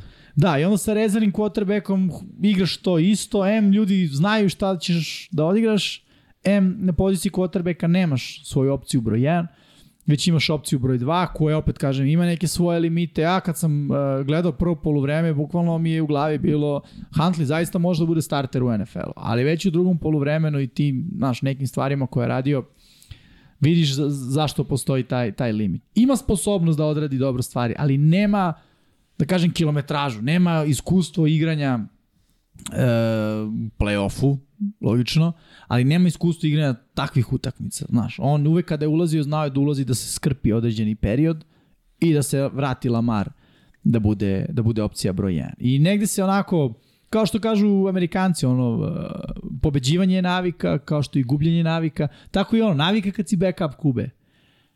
Drugačije. Drugačije, ne sećam se, Ali evo. to je ono što smo pričali. Trevor Lawrence ima stav, ja sam, ja ovde pripadam. Ja sam taj quarterback, Da. ja sam taj koji treba da vodi ovu ekipu. Pričat ćemo mi i o San Mislim, Francisco, imaš mnogi su imali koji tako veruje u sebe. Takav stav, ali prosto nisu dorasli tom zadatku. Baker Mayfield, E, on uvek da ima taj stav. Pa. Ali on nije, on je, on je, on je na koleđu morao se dokazuje. Jeste, ali u NFL-u nekako kako je preuzeo poziciju startnog quarterbacka, što mu nije bilo teško, mislim, u toj sezoni, ovaj, nekako je bilo, evo i sad u Karolini, i u, pa i u Karolini i u Ramsima, znaš, kao, to meni pripada. Ali nebitno da ne idemo sad na njega, on, je, on sedi kući Pa ja kao kad i mi na vidim... kauču i gleda. Da. Ajde da, da, pričamo o ali, ali koji su igrali. je mnogo bitan. Te u očima to vidiš. To je ono što vanje što si ti pričao na polu vremenu sa Chargersima i Jaguarsima. Ti vidiš pogled, ti vidiš stav, ti vidiš veru u samog sebe. Znaš, neki put je opravdan, neki put ne. On neopravdana je na nivou Da. Čitao sam- zaluđenosti. Zanimljivo, čitao sam neku, neku knjigu i ovaj, o, o tom psihološkom momentu između baš sina i majke i majke koja apsolutno i u svemu podržava svog sina. I kaže da, uh, vrlo ću kratko, da se tu baš stvara taj narcisoidni moment kod pogotovo muške dece. E, ali to ti je sad razlika između narcisoidnosti i, I taj- samopouzdanja. Jeste, jeste. Naravno, tanka je granica. Mislim, ono, samo neko je narcisoidan ima samopouzdanje, definitivno. A neko ima samopouzdanje, ne mora da bude narcisoidan. Ali, ovaj... po- Izvini, Jesmo otišli izvini, predaleko? Mihajlo se javio. Da, šta se zbiva ovde? Je sam omašila podcast. Do, pričamo o Bakeru Mayfieldu, spomenuli Samo smo ga. sekund. Evo, Mihajlo ima nešto da kaže, Huntley je nesposoban, trebalo bi da gledate sve utakmice Baltimore, ne samo highlights, bilo bi vam jasno. 13 Slažem pojena se. po tekmi, malo je i Slažem do se. njega. Da, Jeste. Ok, ali vidi, ovde ima jedna situacija, Huntley je uradio do, ne, ne dovoljno. Ceo tim Baltimore radio mnogo toga da se zaista nađu u prilici da pobede. Dobro, vidi, ako Neću su- pričati o zaslugama, znaš, to ne postoji, ali ono što si ti rekao, malo pre smo rekli, to su, ti, to su divizioni rivali. To će biti najteže, ja mislim, za, za, za Cincinnati ovo je najružnija Jest. utakmica koju mogu da odigraju. Jest. Ovi ljudi ih znaju i ne vole ih. Ne vole se međusobno. Ne nužno kao protiv Pittsburgha kada se igra, ali ni ovde nema ljubavi. Između trenera nema ljubavi. A nema Srke, ali Baltimore, management Baltimora radi pogrešnu stvar. I oni idu na zastareli način da se opet fokusiraju na odbranu i tako dođu do uspeha. Oni umesto da su podržali Lamara i da su mu dali novi ugovor, on ničega ne bi bilo, ne bi pričali o ovakvom meču. To je Ne znam. Baltimore krivi jer se vraćaju, to jest drže se starog mod sistema. To je odlična odbrana, platit ćemo line, middle linebackera, to nam je donalo pre uspeha, jaka defanzivna linija, jak secondary, tako ćemo da pobeđujemo, ali to nije više NFL. Lamar je taj koji donosi X faktor u Baltimore. On i, i kad nije imao dobro dodavanje, on napravi neko čudo od akcije i to digne ceo tim. On kad je protiv Clevelanda morao da ode do slačionice pa se vrati, što E, je i, i super čekaj, herojski izveo to. Ali i Hunt istrčao na levu stranu Ali tamo nije skoro isto, do njega se zone. ne plaše Srki. Pa da, ali hoću Lamara ti se kažem, plaše, ali nije bukvalno. pitanje- ali ajmo da pričamo o ekipi Baltimora, zar to ne treba i tebe da podigri? Kaže, čekaj, ovaj klinac od koga ne očekujemo ništa, nešto da nam donosi, daj nam šansu da nastavimo kroz play-off da idemo. Nije isto. Znaš, Ne, ne, ne kažem da on njima ne podiže samopouzdanje, samo on nema te sposobnosti Jedno da pitanje. reši meč. Nije nagradno, Srke ko možeš da, po, da potražiš. Da. Ja mislim da imam odgovor, ali bih volao da... Po... Koliko je Baltimore utakmica pobedio ovaj prošle godine kad je Tyler Huntley bio kube? Ja mislim Dva. nijedno. Ja mislim nije. Ja mislim Nije, nijedno mislim- kad je starter bio. Kad je start, Kada mislim da je je starter 2-3 bio- ove godine. Ako možeš pogledati samo uh, Ajde, karijeru Huntley i vidi ovaj prošle Ja godine. mislim da je, vidiš. da je, da je to samo e, negde ubeđenje da je pobeđivao, ali zapravo da nije. Eventualno Prošle kada godine je nije pobedio nijedno. Prošle godine nije, mislim da ove godine dobio dve, da su imali 2-3 u pet meča bez Lamara. koliko se sećam. Da su imali da 8-3 na kraju završili sa 10-6 ili 8-4 pa su završili sa 10-7. Ajmo da vidimo kao starter e, 2-2. Da, upravo si. Ne, prošle godine je dobio jedno kao starter. 1-3 i ove godine 2-2. Pa to da. Tri E, utakmice. 64,9 prošle godine je bio procenat kompletiranih dodavanja, 67 ove. Ima više presečenih dodavanja nego postignutih dodavanja za touchdown i ove i prošle, 4 naspram 3 presečene dodavanja touchdown, 3-2 ove sezone U koliko utakmica? U četiri utakmice. Po Čet- četiri utakmice kao starter. Da, Ali u petu sedam, je, to jest šest. tako je, da, da. Kažete ti, Lamar je top 10 quarterback. To su limiti. Huntley je negde oko 25. Nije, pa vidi, on juče, e, kompletiranih dodavanja 58,6.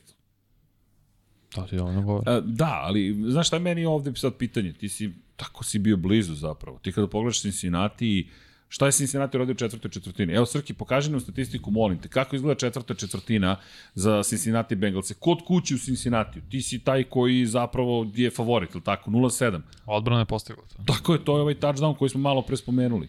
Napad ništa nije postigao u četvrtoj četvrtini. Joe Barrow nije... Ali u trećoj kad se lomio rezultat, kad su ubili 10-9, dovoljno je jedan drive bio barao sa neka 2-3 neverovatno dodavanje, da je on tu pre, prelomio meč i tako je poveo o, Sinci. Ali kažem ti, znam da pogotovo ni, ni, ni Miksa ni Jimmy ne vole te momente kada izvučemo jednu akciju. Ali ja zaista mislim da ovo menja stvari. Ako ti poentiraš, ti si na 2 yard, 2 yarda od end zone i zamisli da poentiraš za touchdown, ti vodiš u tom momentu 7 poena rada. Samo ću ti reći, takav quarterback sneak sa skakanjem preko, uh, i, i moje mišljenje, ja ne znam sad, ne, ne mogu da Čak pričam. ne pričam o akciji, nego pričam kako nije iskorišćena velika prilika. Da, da, da, ali ja hoću u toj akciji samo da kažem par stvari. Uh, mislim da se on zove. Da to je uigrana akcija gde se quarterbacku kaže, jer je to na osnovu snimka odlučeno da ćeš protiv ove ekipe skakati, a protiv ove ekipe ići nisko E, to u svoju da ofenzivnu liniju. jer svi kažu Huntley je to odlučio. Kako ti možeš da odlučiš da skočiš ili da se Može, podvučeš? Može. može To to quarterback da odluči, ali mislim da Kako? Huntley nije na tom nivou. Ako je ovo zaista bila njegova odluka da skoči, a ne da ide nisko, to je očigledno bila njegova pogrešna Jer odluka. Harbaugh je na kraju utakmice rekao da je loša egzekucija Huntleyva bila i da Okej, on nije uradio vidi. ono što je trebalo. E, Eto. onda to ima smisla i to onda potpuno ide na, na dušu uh, Huntley. Još jedna stvar, ako se ne varam sad koliko uspevam da se setim, mislim da je Wilson bio jako blizu za svoje defensivne linije, tu nema skakanja.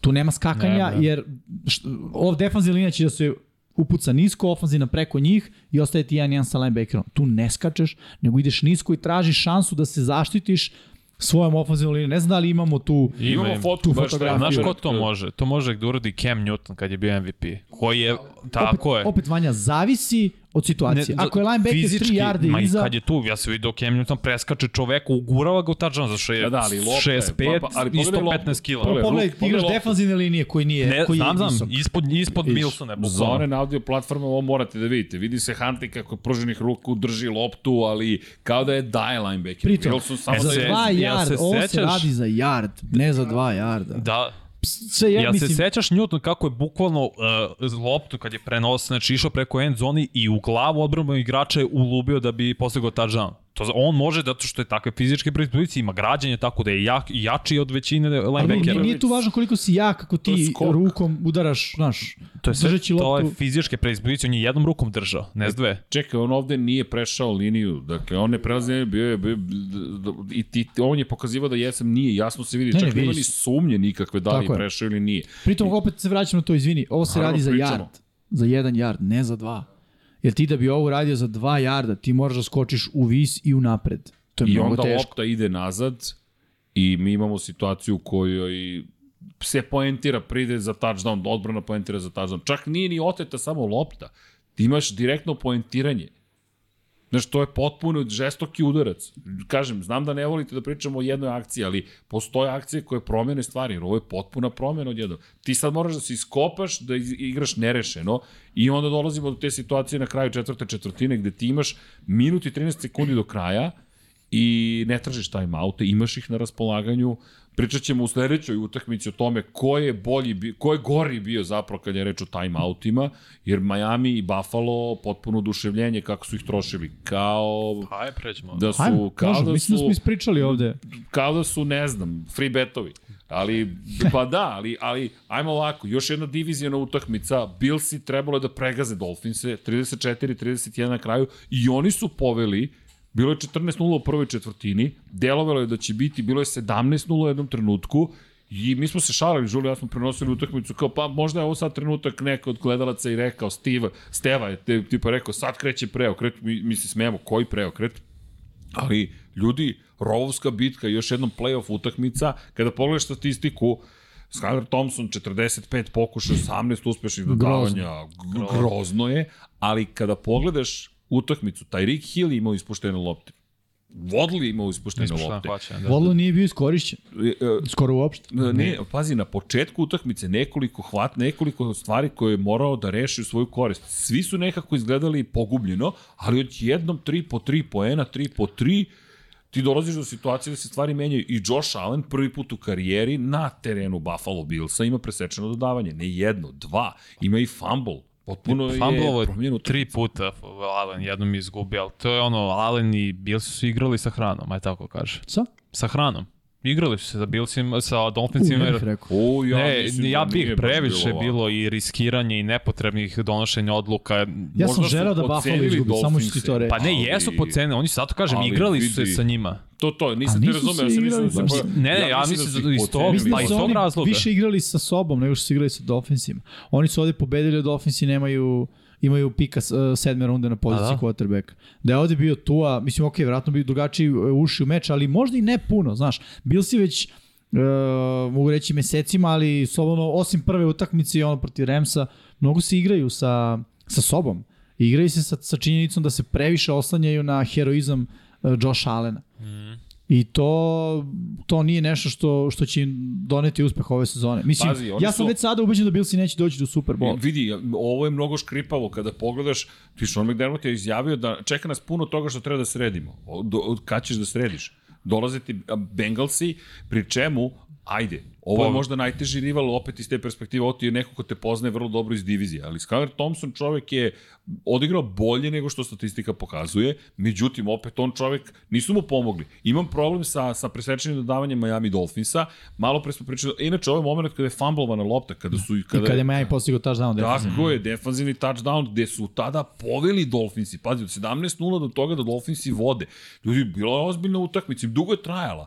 Čitavu večnost je trajala. Ja mislim se smeli, po, odložen je početak Baltimora bio iz Cincinnatija zato što je tako dugo trajala utakmica. I naravno radost, radost Dolphinsa, ali presečeno dodavanje koji su imali Buffalo Billsi, Skanara Thompsona, za mene je problem. On je dečko pritegnut uz end zonu i ti mu daješ akciju koja je krajnje problematična za iskusnije quarterbacka i ovo je rezultat. Presečeno davanje. Pričemu kada pogledaš lica i saigrača i navijača Dolphinsa znaju da je ovo A riskiraš. baš problematično. Mislim, znaš kako, iskreno... I ovo ti je po, potpis za sliku, treba da uvedemo novi segment. Potpišite ovu fotografiju, ja imam potpis. Evo, Smo mi prijavite se u potpisali- chatu, nismo još napravili segment, ali recite šta je vaš potpis za ovu fotografiju, koja je na audio platforma, pogledajte na YouTube, o Jesmo čemu mi se radi. potpisali fotografije, to je... E, nismo, ali ćemo potpisati u potpis, Evo, u, ukratko. u, u, u, U description. Šta se desilo? Sean McDermott je u fazonu, good game man, good game man, a ovo je u fazonu, beži mi od mene.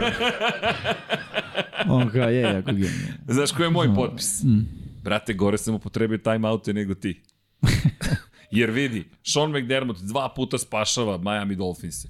Dakle, poziva timeout u momentu kada treba da se, kada njegov odbrana četvrtom zaustavlja napredovanje, drugi put to isto čini, a pri čemu Miami ne može da počne napad na vreme. Tri timeouta su potrošili da bi izbjegli kaznu pomeranja 5 yardi E, unazad. ali vidi, to je backup kube. To tako je, backup potrebek i to ti je panika i vidiš ga da on čovek Jest, okay, I daje to sve je od sebe. neiskustvo uh, Majka McDaniela, znaš, kao glavnog trenera. E, ali da li on zaslužuje tolike kritike? Vidim da ga Ne, mnogi ne. Ja mislim Ne, da radio super posao. Sa, sa čime je, sezona. Sa kakvim quarterbackom je imao sada i sve što je izvukao, to je top. Treći Ne, ne, ljudi, promeni identitet Miami Dolphinsa koji su poslednjih deseta, možda i više godina bili Odbrana. solidna kanta, ono.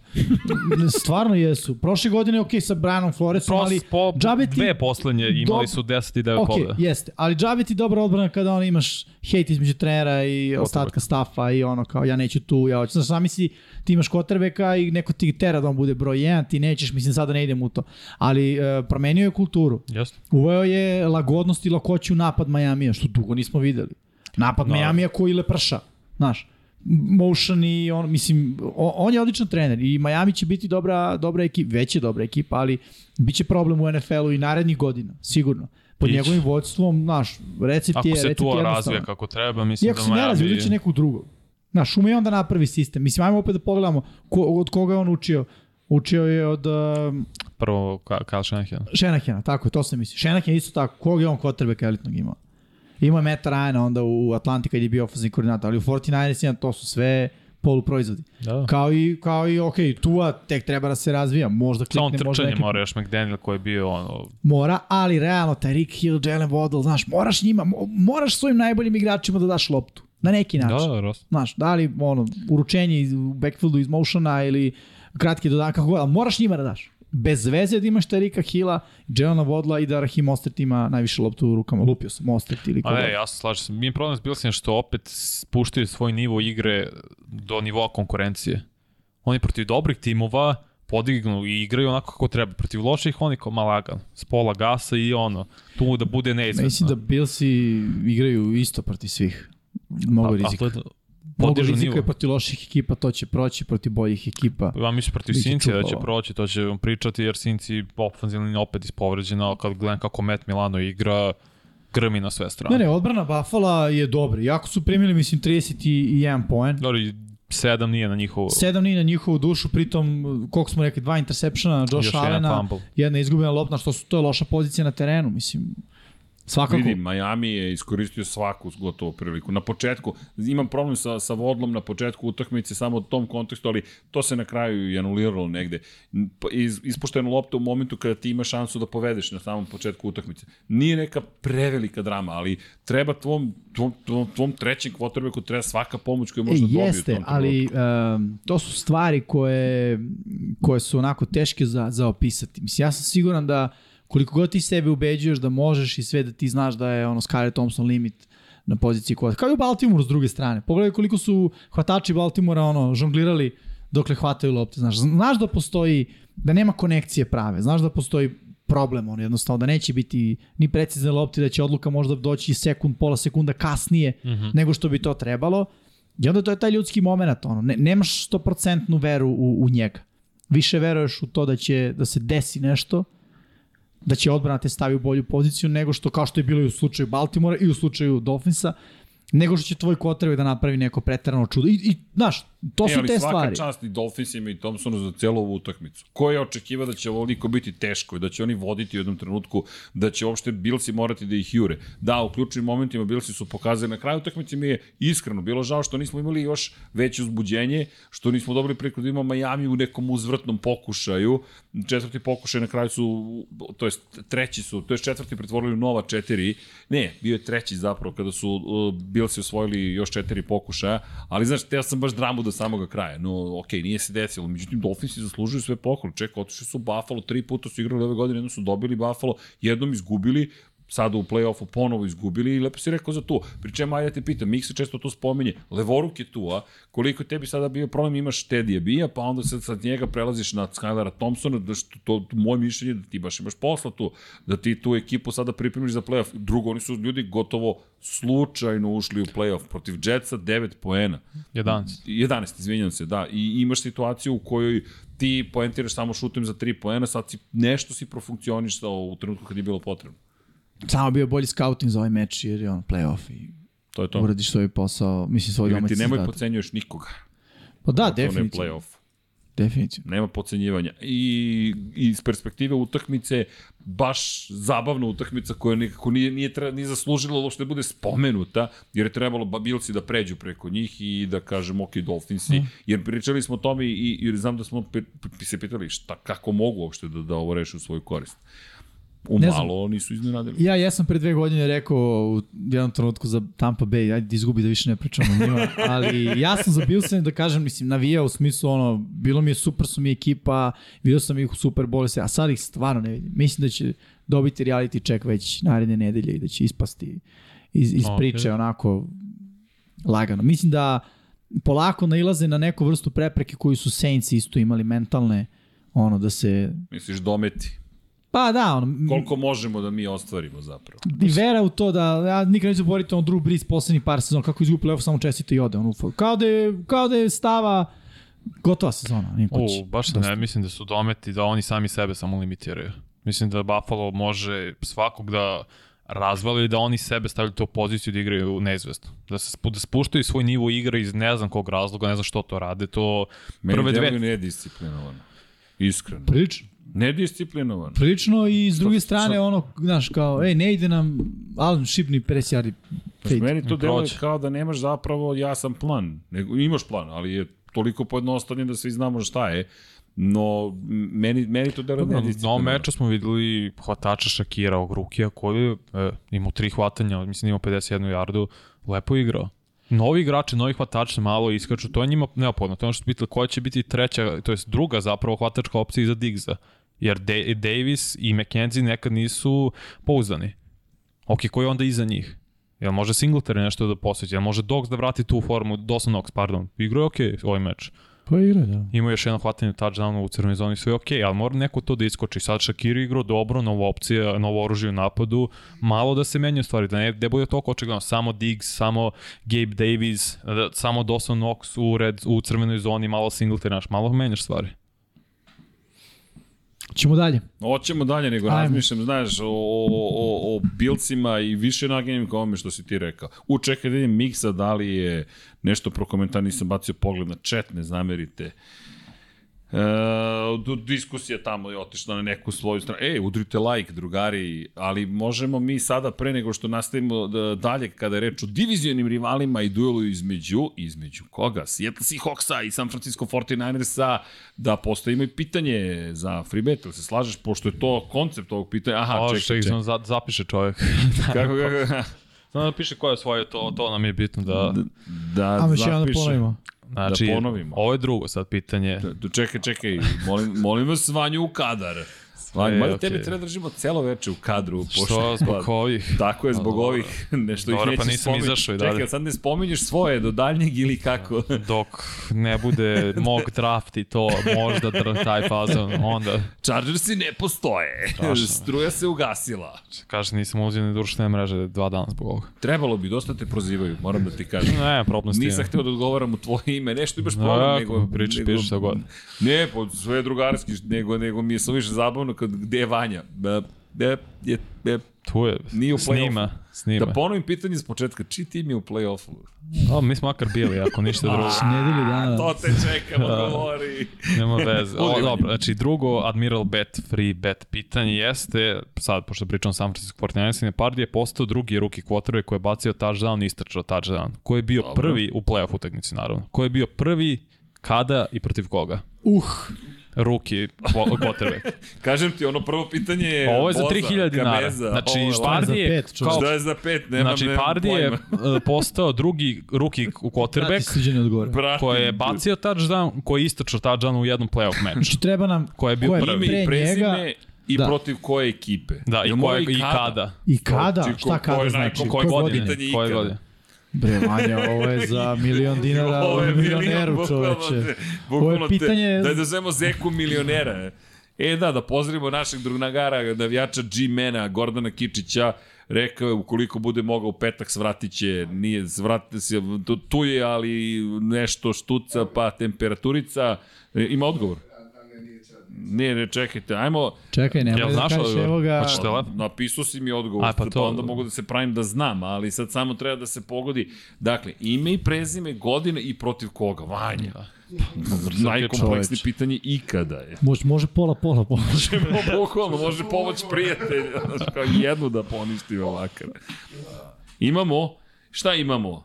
Opa, imamo pun odgovor. Opa, Da čujem. slušaj, Još da Aleksa, znaju ljudi. Aleksa Maljković, Wilson 2012. protiv Atlanta. Eto. Bum. Rasavio sam. Rasavio. Bravo. Pa ne, Zek. Ok, Bravo, Aleksa. Aleksa, javite se, Instagram, jel te, pa na 99 jarde odete, udarite tamo like, udarite i ovde I like. follow. I follow, i subscribe, i repost, i regram, i sve ostalo. Evo, Jimmy Regram. nije dobro u društvenih mreža, Da. ali dobro. I Infinity Lighthouse, javite se pa da to sve organizujemo. Bravo, Aleksa. Ali Ja zanimljivo, nisam u, pazi. Vic Green Bay 2001. Ovo... A nije. Vick. Pa nije, nije. Ne, ne, samo Ja sam našao da piše su- ne, ne. ovako. Pa vidi, ako si pogrešio, sad, sad i vi Nisam ja pogrešio, to piše na NFL Nisam ja Research. pogrešio. Ja od njih eh, sam ali- krao. Vraćamo se, Vraćamo vraćamo se na, na utakmicu i, i 49ers. naravno navedite humanitarnu organizaciju usput. Da. Uh, Seahawks i 49 17 16 na polovremenu za Seattle. Da, Neočekivano. za Seattle. Da. Neočekivano. Ali, Pa, ali. Pa, play. Strip sack, ovaj čas Omenihua kad je Gino Smith fumblovao, Nick Bosa pokupio loptu, sledeći drive, touchdown 49ers.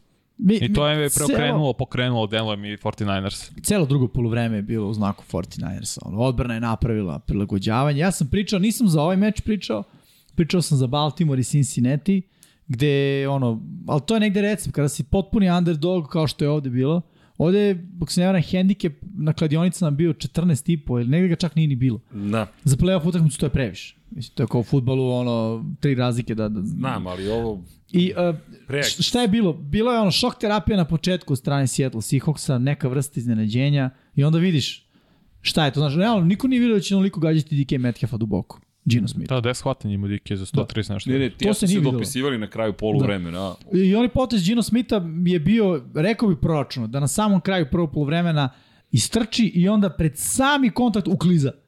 Jer je očekivao udarac i dobio 15 yardi gratis. Mislim, to je pametno, realno. Istrčiš za 7, Da znam da te oduševio. Pazi, redko kad komentarišeš 23. i kao, Gino Smith, car. Da. da, istrčao je za 7, Pametno. dobio udarac do- i donao još 15. Delo mi da je trener akcija 23. zadovoljan. Pa da, mislim, to je ono što znaš, ako si već krenuo trčiš u situaciji kada vreme curi, dobi udarac. Mislim, uzmi jedan za tim.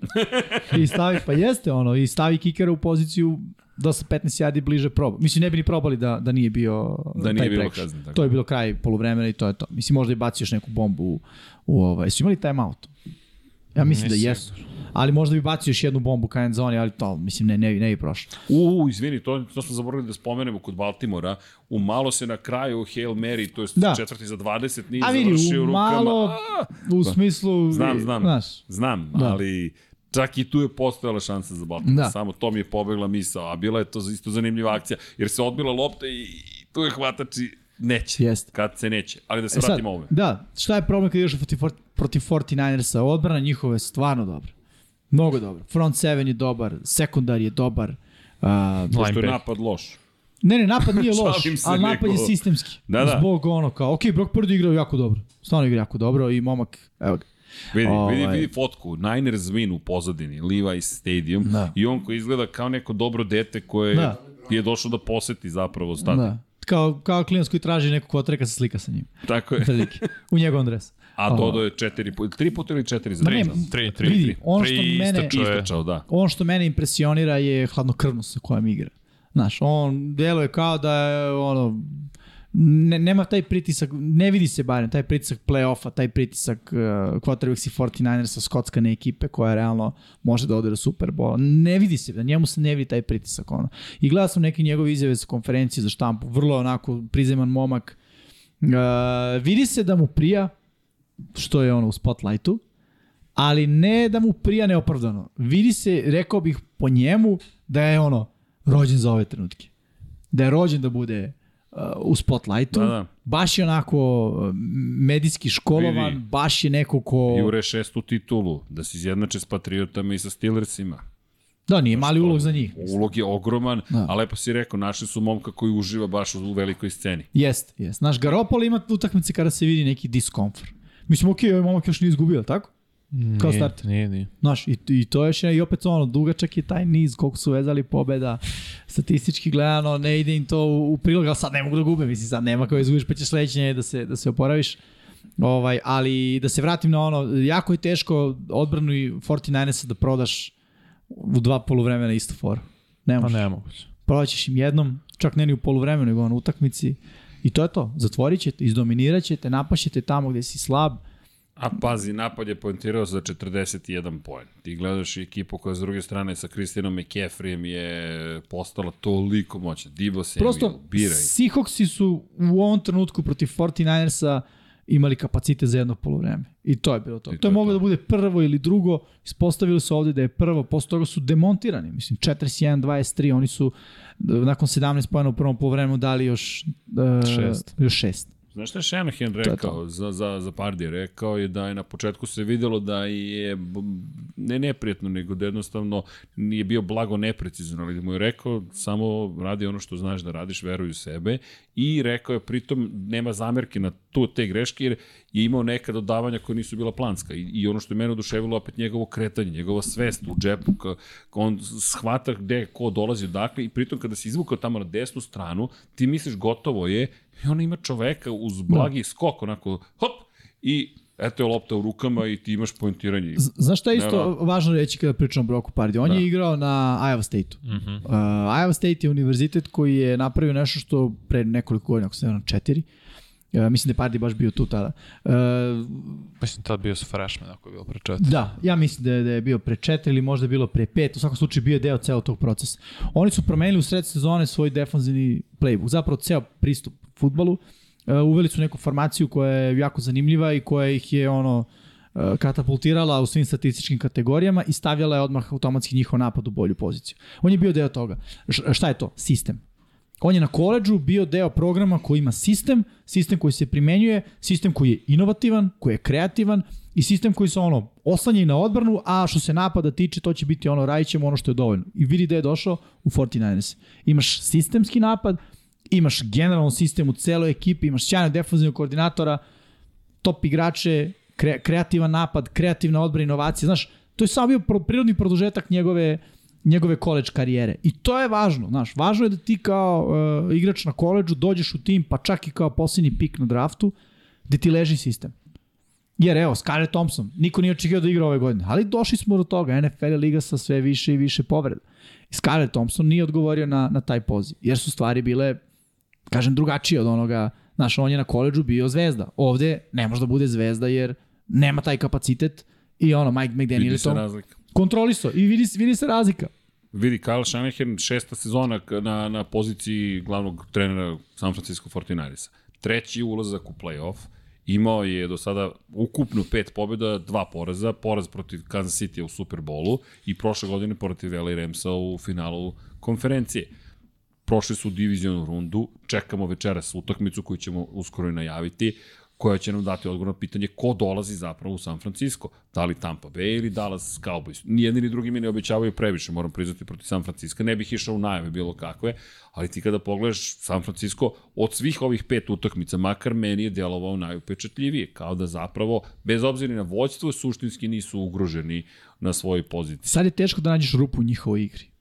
Mislim, ja bih i dalje igrao da sam protivnik 49ersa na kartu, ajmo da, ajmo da se posljednji pik na draftu osjeti kao posljednji pik To, to, na to, draftu. to, to, To može da, Dallas. na smislu. To može Dallas sa svojim pes rašom konstantnim Teško. i pritiskom. Da, To zašto oni u mislim da ne teoriji može, mogli. Dallas ne može da ustati trčanje.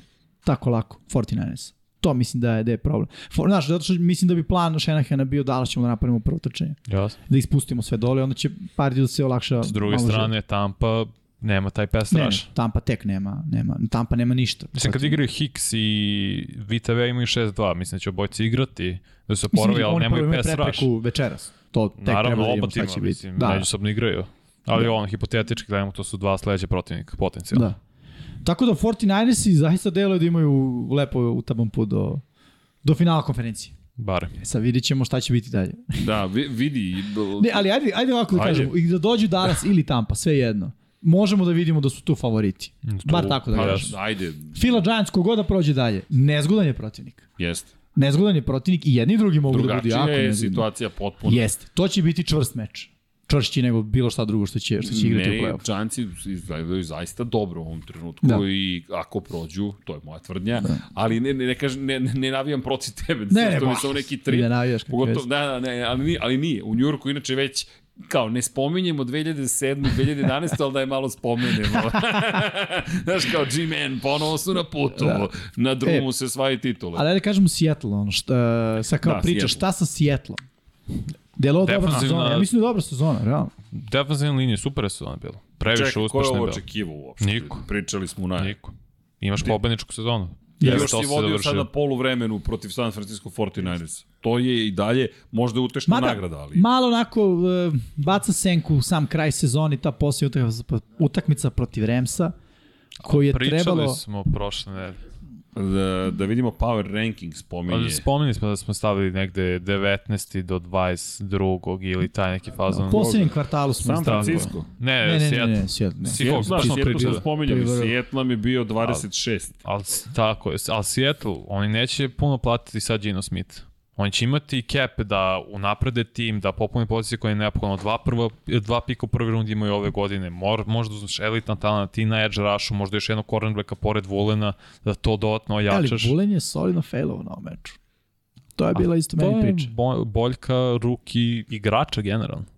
Morat će jedan meč kad tada prosto bude nadigran. Nije video sve, nije video svaku ofanzivnu šemu, svaku Da. akciju u NFL-u i mislim, iako je već susreto sa 49ersima dva puta, ali očigledno nije isto. Mislim, gađali su ga. I prolazilo je. I to je gađao Brock Purdy, znaš, on, posljednji pick na draft. Mislim, mo, mo, moram to da spomenem jer, Mr. Irrelevant. da, da, Da, znaš, pričamo o tom. Pa evo, mnogo pitanja i Mihajlo odgovara uglavnom, ali, ali treba da, da, da se uključimo u celu priču, a to je ko će biti startni quarterback sledeće godine u San Seattle? Francisco. a u San Francisco? Brock Pardy. Pa ne, to je Brock baš Purdy. teška priča. Biće trade online. Vidi, vidjet ćemo. Znaš, vidjet ćemo. Što, što bi, što bi, ovaj, ajde još jedno sfera, da li bi Brock Pardy imao ovaj uspeh u Sjetlu? Ne. Ajmo da idemo dalje. Da li bi imao uspeh u još nekim u Karolini? Ali znaš šta je razlika među Pardija da- i Lenca? Ne, ne, Pardy, je pok- ne, ja se slažem. Ne, ne, ne, što ali je mislim samo da neće pokazao. Lenz da ode, bar ne na početku. Biće takmiče, Garoppolo ide sigurno, mislim, to Ma, nema šta. Jimmy G ne neće ostaje, produživati nego ugovor jer nema šta više da Mnogo radi. više futbala i mnogo više snapova ima Pardi, računajući college NFL, Jeste, nego Trey Lance. I to da ne može da se nadoknadi. Pusti da se takmiče. Naprijed trku pacao barem do pete nedelje. Ali da li, Pa, ne da li želiš to? Ko? Razbio Ili bih kažeš stajem iza jednog ko i to je je- to. Ajde ovako, pitam navijače 49ers, evo, pitam njih Ok. sada, a ja ću da dam kao neutralni posmatrač. Dobro? Koji je, uh, da dam odgovor, koji je sada emotivni moment prema Trey Lansu? Ako si navijač 49ers, šta je Trey Lance tebi? Ajde Ništa. nama, mi nismo navijači. Ajde ovako, meni koji, sad- Koji osjećaj ti za Treja Lance? Promašaj. Znači, protraćeni pik u ovom trenutku. To bih rekao. Zaboravljen pokazao- igrač.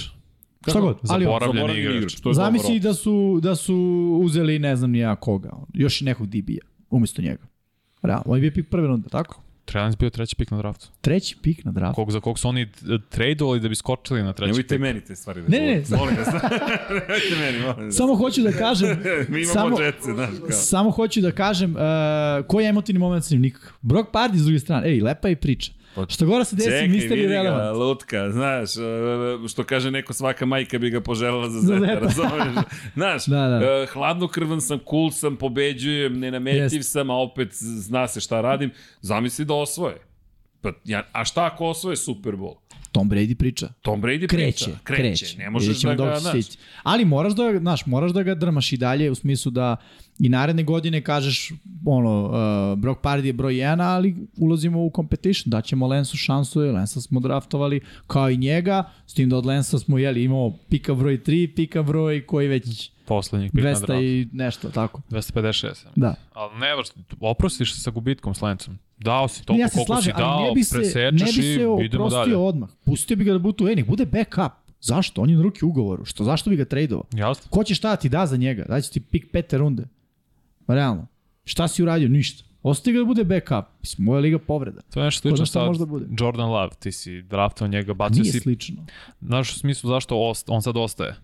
Ko, Lav? Da, pa i ostaje. Već je tu, mislim, već ga Već je plaćaš. tu u ovoj četvrta godina ili treća. Pa to je to, mislim. Treća, sad ulazi Vidi, četvrta. on će backupovati Arona Rodgera. Vidi, šta to nismo videli kao? Isto draft, e, pikovi drafta New Englanda kao. Garoppolo treba da bude sledeći Brady. I Ništa, otiše dalje. evo ga u San Francisco. To, Da. Živi u Kaliforniji Jacobi gradi. Brissett. Isto, bilo je priče, možda, možda ne, ima potencijala. I? Nije se desio. Ništa. A, bio još neko, čini mi se. ne. Stidam. Bila je priča sa Stidam. Dobro. Bila je priča. Bila je priča, Bila okej. je priča. Bila je Kratko je priča. trajala, ali je bila priča. Tako da, znaš, ono, zašto to ne je bila još jedna priča? Ono, Jordan Love, izljube se s njim, pošalju ga dalje u neku ekipu koja očenički traži kvotreka. Ali ajde da se vratimo na 49 i na, i na Seahawks. Ne, ne, ali dobro, pazi, to je ko? Ko? E, zato mašaš. Ne, ne, pa da, Srki pokazao kao neka ekipa koja očenički treba kube. Očenička rekao, ekipa, da. mi smo očenička ekipa. Da, uz bilo koga trenutno vidi. Pa, Ne, nemoj da si toliko očen, nemoj sad bilo koga, molim. Hvala ti. Ne, Ali nemoj ni te sam- grane. Da, vidi, ali samo hoću da kažem, ima puno ekipa kojima su potrebni quarterback, ali opet nije to tako jednostavno. Ono što stalno ponavljate, kakav ti je sistem, da li se on uklapa u celu priču, kako će ga prihvatiti saigrači, da li on dolazi kao nabeđena zvezda ili dolazi kao neko ko je rekao dolazim da radim. Znaš, ovaj momak dosta dobrih stvari je već potvrdio, Čekirao, da. čekirao i lista se produžava. Ja mislim da se sve svodi na to šta ćeš uraditi u play-offu. Čuje, ako osvoji Super Bowl, ma kako će njega da izbaci ljudi iz ekipe? Ma ne. Nema teorije. ja ti kažem, Pa to je automatski u- Tom Brady priča. Tako je, to, To je Brady čao. uradio u svojoj drugoj sezoni, samo što je Brady zamenio legendu, ovaj nije baš zamenio legendu, ali je, znaš, došao je u neku skockanu ekipu, Brady je napravio to što je Pa to, napravio, znaš. sa većim akcentom na sebe nego ovaj momak. Svi znamo da i dalje bez Dibo Samuela Pa bi da, to bilo ali koliko teže, bez pričalo- mnogo teže, znaš. No, Ali vidi, koliko se i o Brady dugo pričalo na početku, pa i posle toga Jeste, quarterback uklopio se odbrana jeste. i tako da. Ali onda on baci, znaš, ne, neka dodavanja, dovede ekipu ispod dva minuta u poziciju za šut za tri poena. Jeste. Vinatieri postigne, znaš. Čekaj, tri titula osvojiš u prva tri ulaska u play-off. Da. Znaš, to su stvari koje se redko viđaju. Pa onda 10 godina ne osvojiš ništa. Vidi, znaš da koliko si dobar Jednu, pa. kad, kad hoće da ti uzmu, da ti umanje uspe, tako što kažu tak roll. Znaš, kao, nema ništa kao tak Nema roll. više ništa. Znaš. Da, da. Dobro, ovaj momak, pazi, priča jednu fantastičnu priču. Ajde da vidimo da. dok će to da ide. A što se tiče Seahawks, ajde da, da, da ne zaboravimo i da, da njih zaključimo. Ja mislim da oni ne idu kući baš potpuno razočarani. Ma ne. ne idu kao e, Baltimore koji je, koji je već osetio neku neverovatnu pobedu ili Minnesota. Mi ne zamisliti moral u Minnesota trenutno, koliko god da je Jeste. dobra pozicija, ja mislim da je tamo mnogo teže nego Da, kod Seahawksa. To je ta razlika. Sedmi si nosilac, odnosno ušao si kao poslednji u playoff, izgubio si od drugog, izgubio si od divizijskog rivala, izgubio si od ono, powerhouse-a kao što su 49ers, e, Tako ideš pognute glave i razmišljaš o sledećoj sezoni. Za razliku s Minnesota bio si tre, treći si, bio si i drugi, imao si ambicije da budeš i prvi, izgubio si od Giantsa koji su bili sedmi. Sa Giantsa, Šesti. ne, šesti, da, Seahawks su sedmi. Znaš, to je ono, Dobio ideš si kući pa i razmišljaš o smislu Green života. Bay-a ti si rešio svoju korist, ti si, ti si prva ekipa te divizije, što je Detroit, drugi, Green Bay tek treći. I znaš šta je još važno? Važno je što se si, Seahawksi kao organizacija su dali odgovor na pitanje uh, Šta posle Russella Da, i šta može, ko je veći, Wilson ili Carroll? Odgovor je Carroll. Da li Carroll može sa drugim igračima? Odgovor je može. Da li Carroll može da napravi novi rebuild, da preporedi ekipu? Odgovor je može. Na sva pitanja koje su bila na početku sezone, odgovor je pozitivan To je to. u smislu pita Carroll ekipe Seattle Seahawks. Da li vidimo će biti konkurentni sledeće godine da uđu u playoff? Da, apsolutno. Sa ovom, u, u ovoj trenutnoj Pa vidi situaciji. Arizona kao u nekom... Limbu. Da, slobodnom Raspadu. padu, bukvalno. Mi- Imaš ok San Francisco u svojoj diviziji. Respekt, to. koji ono isto Ramsey, ne znamo. nemamo, nemamo pojma. pojma. Malo gore, malo dole. Da, jeste vidjeli inače i opet Instagram ti dođe sada kao najvažnija stvar otprilike. Pa da, Aaron Donald koji je napisao na Instagramu da je bivši igrač NFL-a. Mm. Šta god to značilo. Samo u svojoj biografiji piše bivši igrač NFL-a. Dobro. Ok, nije saopštio niko da se penzioniše. Ima problema da Ramsima, ali nećemo njima pošto Da, oni na nećemo, kauču. nećemo, ali čisto da- apropo Seattle, divizija je tu, NFC ne izgleda baš nešto spektakularno. Da, je, da je Mada vidjet ćemo sad, baš sam pogledao istok, znaš, uh, u ovoj Uz situaciji... osmeh na licu. Da, pa dobro, ali vidi, ukoliko bi Dallas pobedio, recimo, imali bi tri ekipe sa istoka NFC-a u uh, divisionalu. Divisional The rundi. Beast from the I na East. to dodaj da su Commanders imali pozitivan skor. Tako? 9-8. Uh, oni su igrali nešto 8-8-1. 8-8-1. A, Oni su igrali 8-8. nerešeno Pozitivan sa, skor. Sa Giantsima. To je preko 50%. Sa Giantsima su igrali nerešeno, Da. da. Znaš, to baš govori da je ta divizija, ono, Promenila se. pa da, ide Značajno konkurent. se promenila. Tako da, okej, ali, ono, Još ako komandar se nađu potrebeka, to će biti. da, da samo zaključim, Aj. pred početak sezone, pred prvu odigranu utakmicu, Seahawksi su bili propast, ono, nema im spasa, bit će ovo ružno za gledanje. Poslednju utakmicu u sezoni, vrlo pozitivan utisak i imaju čemu da se nadaju ovaj, narednih godina. Da. Ajmo dalje. Hoćemo da najavimo nešto, pa ne znam šta Srki ti kažeš. Pa ajmo heroje. Da Hoćemo to... heroje, Ajmo heroje, mislim da. da. je to, da, da, da, Da, nije malo fair, pošto ko- kolo nije završeno. Da, Dallas i Tampa još mogu da budu heroji, džokeri, tragičari, ali da. ja mislim da Vanja ima svoje tragičare, ako ništa drugo zaokružene. Ništa loše ne mislim time, samo mislim da, da ne postoje veći tragičari. Da. Ali da vidimo šta kaže semafor. U, čekaj, vidi, čekaj, kad je već semafor. Ja, moramo da uvedemo segment sek. Ko je Segment. najbolji sek. Ajmo dalje. Sr Srki. Jimmy, moj heroj nedelje. Opa, Evo, ajmo. krećemo od tebe. Baš me čudi da ti je ovo heroj nedelje. Dagi Pi, pa vidi, ekipa je napravila treći najveći preokret u play-offu u istoriji NFL-a. On ih je predvodio. Ono, čovjek koji ima statu u jednom drugom gradu. čovjek koji je deo ono, Philly Special priče. Uh, imao je onu kreativnu akciju za konverziju uh, prvog pokušaja. Je beše bilo na četvrtom? Četvr sa, četvrt iz jedan. Da, tri beka pozadi, ono. Ona formacija je futbal tipa iz 60-ih, 70-ih. I ono kao, svi očekuju, sad će da ga uguraju Lorenza, ne, idemo trčanje okolo, Etienne, i ono, vrlo kreativno, realno, moraš da mu skineš kapu. I pazi, to nije prvi put. Ako se, ono, kao, setimo njegovog poslednje kreativnog poteza iz play-offa, to je Philly Special. Uh, I ono, da zaokružimo ne samo ovu nedelju, već i sve, prva sezona kao da je glavni trener ekipe, odmah je ušao u playoff i odmah je pobedio u playoff. Mislim, i to su stvari, ok, nije jedini, ove godine imamo i Dejbola, ali to samo govori koliko su njih dvojica ono, posebni kao, kao mm. glavni treneri. S tim da, eto, za, za Daga Pedersona smo negde imali naznaku, bar ja sam verovao u to da će on napraviti preporod u, u Jacksonville-u, nisam očekivao u ovoj prvoj sezoni, zaista. I kad su ušli u playoff, ovaj moj pik da će pobediti više je bilo jer Chargers imaju svoje probleme. Već u narednoj nedelji zaista ne mogu da vidim da, da mogu da se nose sa Chiefsima.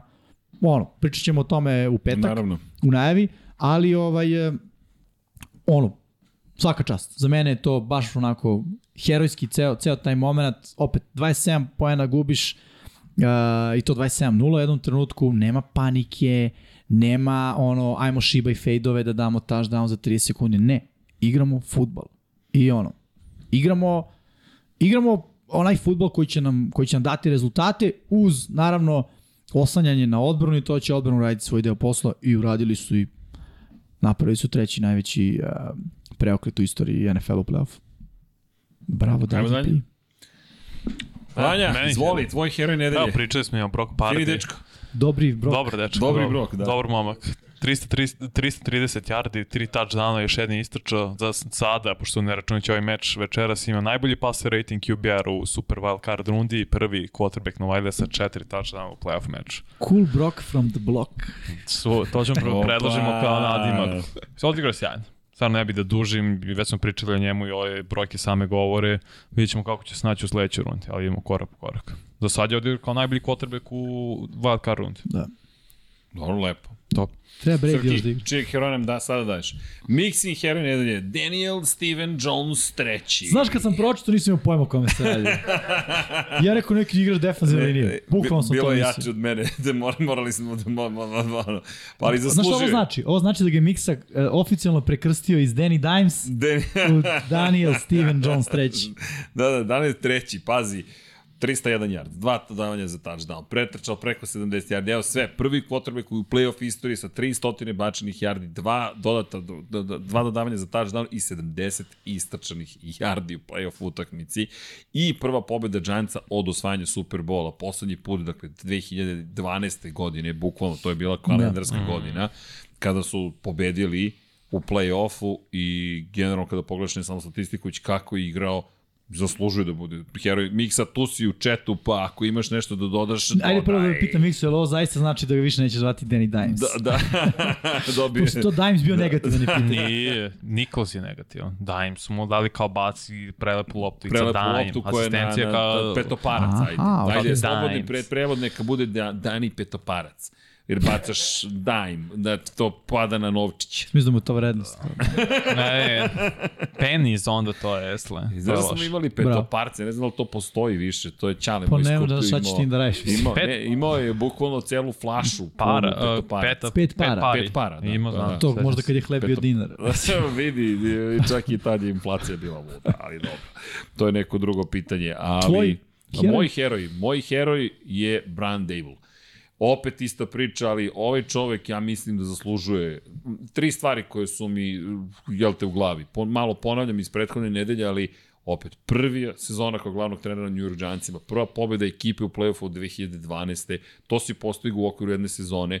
Treća stavka, quarterback whisperer, čuveni šaptač quarterbacka. A jeste. Vidi, on je pretvorio čoveka kog smo ismevali manje Po, više. popravlja slomljena. Tako je, popravljeno i popravljivo. E, znaš, koje, znaš šta volim da gledam trenutno? YouTube kanale e, ljudi ko, sa IG-a koji popravljaju e, zapuštene ili uništene satove fenomenalno kada rasklope mm. mehanizam, pa srede, pa ti objasni zašto, gde, ko, kako. Ali dobro, vidi, Jedna Vrate. stvar je kada ti popraviš ono e, renomiranog proizvođača sata. Druga stvar je kada ti uzmeš igračku ono made in China i napraviš nje super heroja. Da.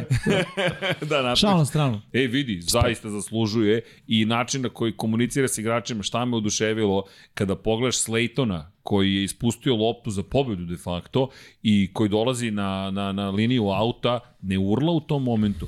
Urlaćeš u nekoj drugoj situaciji na, na svog igrača ako to donosi rezultat. Ti radiš ono što je neophodno ekipi u tom momentu. U tom momentu nije neophodno da urlaš nekoga i da stvaraš frustraciju. U tom momentu je potrebno da ga podržiš. I on koji prilazi Slayton i kaže, ej, ono, take it easy, samo polako, sedi, u čovjek u glavi vidiš da vrti, š, da, da, kako sam mogao drugačije, lopta je tu. To, to, to jeste, baš je bio metak, baš ga je bacio sjajno, ga je bacio Jones i on mora to da uhvati, on ga ne hvata. I ti nemaš nova četiri pokušaja, nego vraćaš loptu Kirku Kazinsu i Dable koji je u fazonu, ne, ne, sve je okej, okay, sad nije moment da mi bilo šta diskutujemo o ovome, sad je moment da se skoncentrišemo ono što se događa, Terenu, baš me oduševio i ti vidiš nekoga ko zna i šta hoće i kako to da postigne. To je moj utisak bio, zato mi je heroj. Pum. Idemo dalje. Cool. Ajmo dalje. Joker. New Giants. Pričamo o njima, ali ajde, onako, pomenuli smo QB-a, glavnog trenera, ja hoću kažem ceo tim, jer je sjajan timski napor bio u pobedi, zaista, ono, u sve tri faze igre su bili, bili dobri, ono, odbrana, napad, i ono što je meni bilo nekako naj, najupečatljivije, da je ofenzivna linija uh, i defanzivna linija su odradile uh, sjajan posao. Stvarno jesu. I rekao sam to i malo pre kad smo analizirali meč. U rovu je uh, ova utakmica prelomljena i tu nema šta. Pritisak defanzivne linije na slabašnu ofenzivnu liniju Minnesota i sa druge strane neutralisanje defanzivne linije Minnesota od strane ofenzivne linije Giantsa. I treća stavka koju sam stavio, imaju odličan momentum. Imaju odličan momentum. Počelo je poodavno, ja bih rekao, počelo je pobedom protiv Green Bay-a. Od tada su onako se sa, sami ucrtali na mapu NFL-a i tih ozbiljnih ekipa ove sezone, ali ova posljednja utakmica protiv File, znaš, sa ono, izmenom izmena si igrao jedan jako dobar meč. I tu si onako pokazao da imaš dubinu i situacija sa hvatačem pokazuje da imaš dubinu, ko je Richie James, ko je onaj uh, momak Beše Robinson, što se povredio. Uh, nije ni važno, to ti kažem, ko su ti ljudi, razumeš? Jedino zvučno ime je Kenny Golladay i kao Slayton koji, a, a, ali koji Kenny Golladay koji van svakog ritma i van svake realne priče i Giants i dalje su konkurenti. Tako da ono, meni je to bio Joker, jer sam zaista očekivao ono što sam pričao u najavi da će Minnesota u toj situaciji, ja sam rekao ako budu imali poslednji napad, a imali su, da će ga prelomiti i pa ga nisu prelomili, nisu slomili Giants i ono, meni je to Joker. Bum. Idemo dalje. Ajde. Meni Joker. Vanice. Charles Omenihu. Kao što sam rekao, eh, imao je dva seka, jedno baranje za gubitak yardi, ali ovo je iznuđen fumble na početku treće četvrtine, mislim da je bio ključan moment. Zapravo zašto je San Francisco kliknuo i prekrenuo meč. I još jedan playmaker u defensivnoj liniji. Pričamo stalno o Bosa, bili su pre i, ba, i ovaj, kako se zove, Solomon Thomas, DeForest Buckner, Arik Armstead i dalje tu. Defensivna linija konstantno se vrati Fortnite.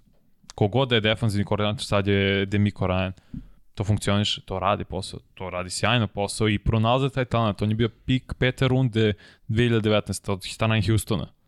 Očekavno je pronašao svoje mesto i poziciju ovde u San Francisco. Tako da Charles Omenihu je Joker pravi. Hvala Vanja. Srki, samo ti menjaj. Moj Joker nedelje, baš, baš su mi Joker, jer su mi oduševili Miami Dolphinsi. Neočekivan otpor pružili Billsima. Možda je trebalo bolje da prognoziram i da razmišljam o tome da kao divizioni rival mogu nešto da učine. Ali zaista mislim da su ulepšali celu zabavu gledanja utakmice u subotu, s komentarisanja u nedelju i potvrdili zašto je playoff playoff. I, i, i s trećim quarterbackom su bili na korak od pobede. I druga stvar, Mike McDaniel prvu sezonu kao trener i ušao je u playoff. Baš imamo nekoliko trenera koji su ostvarili izuzetne rezultate, ali moje oduševljenje je zaista celom ekipom. Jer ono je bila ekipa koja se potrudila da nekako ti si baš malo prelepo rekao, imaš Thompsona koji ti je drugi quarterback, treći zapravo, i kao da ne veruješ u njega na početku utakmice, i onda odjednom 17-3, 17-6, 17-9, čekaj, pa sad odjednom ima neki touchdown se tu dešava. Misliš reći, možda Sanders možda baca ako ovako dobro šutira. čekaj, znaš, dešavaju se stvari i onda tvoj odbran odjednom napravi preokret, ti povedeš, čekaj sad ovo ljudi, utakmica potpuno neotvorena, imamo šansu, znaš, i sve to zajedno mi je nekako dalo baš pozitivno utisak. Još ono što su uhvatili trenera kako vejpuje, to mi je tek, tek hit u celoj priči. I, i sve zajedno što je bilo i, i aljkavo na kraju, Bills i aljkavi, McDermott koji pravi besmislene poteze, poziva timeoute kad im stvarno nije mesto, ulaže žalbe na neke akcije gde, gde je čudno i, i, i na kraju, ok, pobedili su Billsi, ali sve zajedno se pretvorilo u jednu zabavu koja je bila potpuno neočekivana. Mi smo preko 3,5 sata radili tu utakmicu, to mislim da niko nije zaista predvideo da će se desiti i na kraju su mreže američke promenili zapravo, to smo rekli, moment kada počinje, to je vreme početka utakmice među Cincinnati i Baltimora. Toliko je bilo uzbudljivo zapravo u Buffalo i nama su dali priliku da se malo i zabavljamo, otprilike smo na kraju ih sveli na reč, da ne kažem jezer, e, delfini iz jezera, otprilike. Znaš, pa to je Ontario, je tu, tu su Nigarni vodopad, Iri, zabavno ti nekako bilo, me, meni makar bilo zabavno da ih gledam u tom, u toj nekom, nekoj konstelaciji stvari. Cool. Mixing Joker nedelje je Travis Etienne. 20 nošenja, 109 yardi, istoča 25 yardi na četvrtom pokušaju namestio field goal za pobedu. Uh, Tačka. tačka, da, bukvalno tačka. Ono. I momak stvarno igra, ako malo proširimo, odlično cele godine.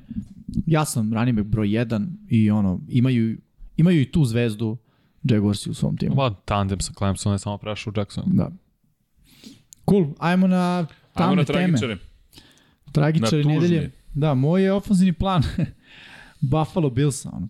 Već sam rekao, previše forsiraju, to jest previše se forsira Josh Allen, previše forsiranja njegove strane i ono, žive i pašće, ako budu pali, od toga kako će odigrati Josh Allen i ofenzivna linija koja mi nije me ubedila.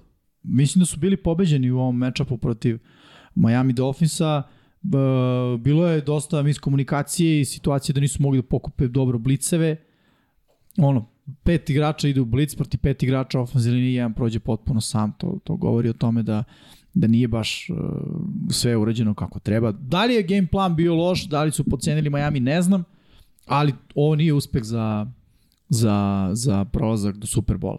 Mislim da su se provukli protiv Majamija, ako se proučaš protiv Majamija, koji te de facto pobedi na kikera i na odbranu, to govori da ćeš protiv ekipe koja bude imala napad, da ne, nećeš proći dobro. Mislim, ono, te dubinske lopte Josh Allena će ti se obiti o glavu i ono, imaš da, kao i prošle godine, samo kljokneš.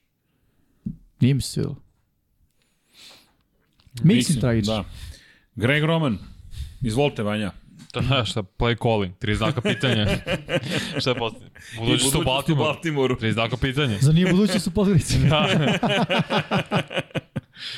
Da, da. da Mislim da je o Gregu Romanu napisao traktat, jedan ceo u Mislim da je četu lep esej napisao da, mi Miks. vidim da je, da je baš, baš agresivan. Možda bio. pročitaš ako hoćeš. U, ček, moram da se Ako vratim ga- tamo ako gde je može gde da vrati. nađeš, da. Ne znam, mislim da ima limit miks. dokle može da ode. Da, da, ne U mogu, live da, ne mogu, ali potražit ću, potražit ću, potražit ću. Ali, e, imam dve stvari kad smo već tu, kad gledam chat. Prva stvar, like, drugari, drugarice, prijatelji, poznanici i svi ostali. Druga stvar, znaš od kad nismo, pazi sad ovo, najgori sam od sve dece, nismo imali donaciju u, u chatu. Ao, ljudi, nismo otvorili novu godinu, ja mislim, na taj način. Mi smo možda imali jednu u novoj godini, tako nešto. Ali, podrška Infinity Lighthouse-u i dalje je neophodna, tako da znate.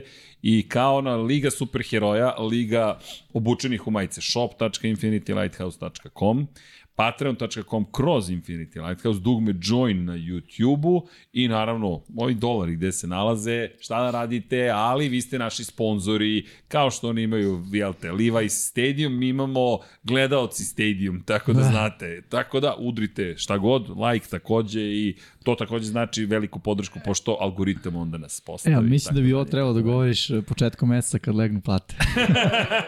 Da, ovo je, ovo je već sredina. Da. je Već je pola sredina, meseca, ve- već je, znaš, Sad već ulazi pustinasne priče. Već se ulazi u fazu kalkulacije do kraja ja meseca. sada likvidnost radim na likvidnosti, A, razumeš, okej, da, i mi smo ušli u tu fazu kao, kako do kraja Ne meseca. likvidnosti.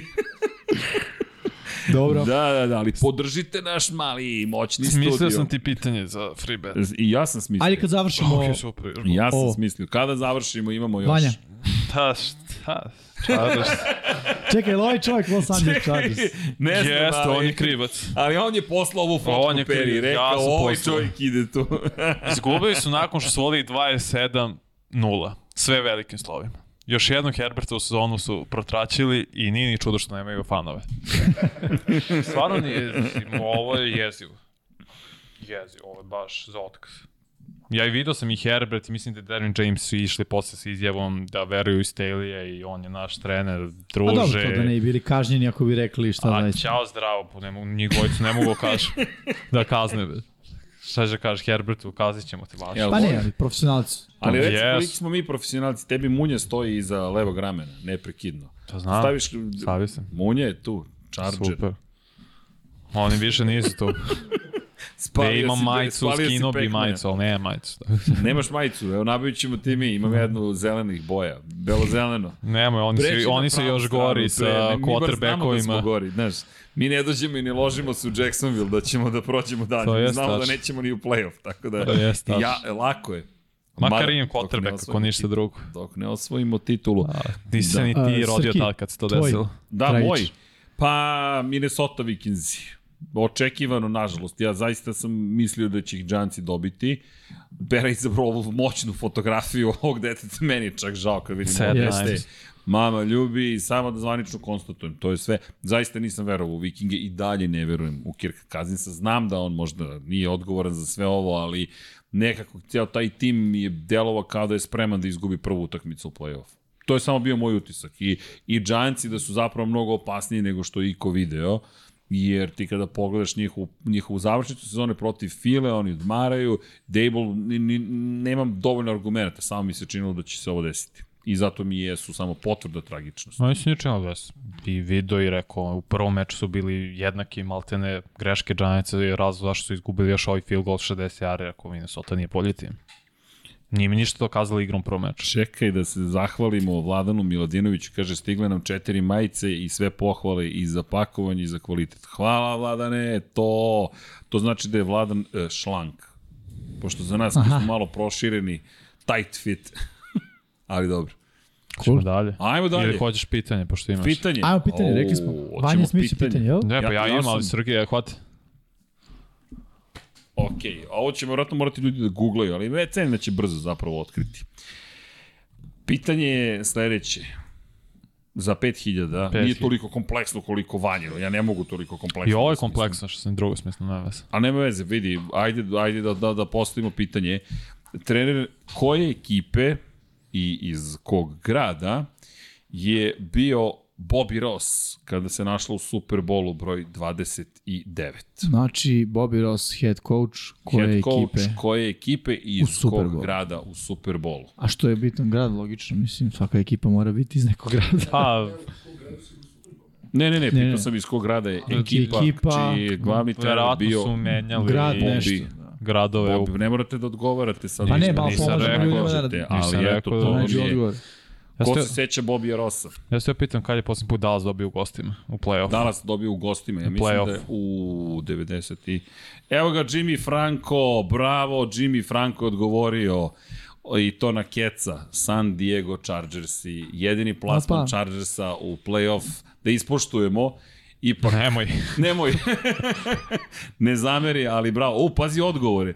E, Kansas City, Chicago, Chiefs, Washington, Seattle, Houston Oilers, San, St. Louis Rams i Detroit, ali Adnane, malo kašnjenje, Jimmy Franco je bio brži. Jimmy, javite se, tvoj imenjak. Da. Dakle, Jimmy Franco, javite se na Instagram profil Infinity Lighthouse ili 99 Yardi.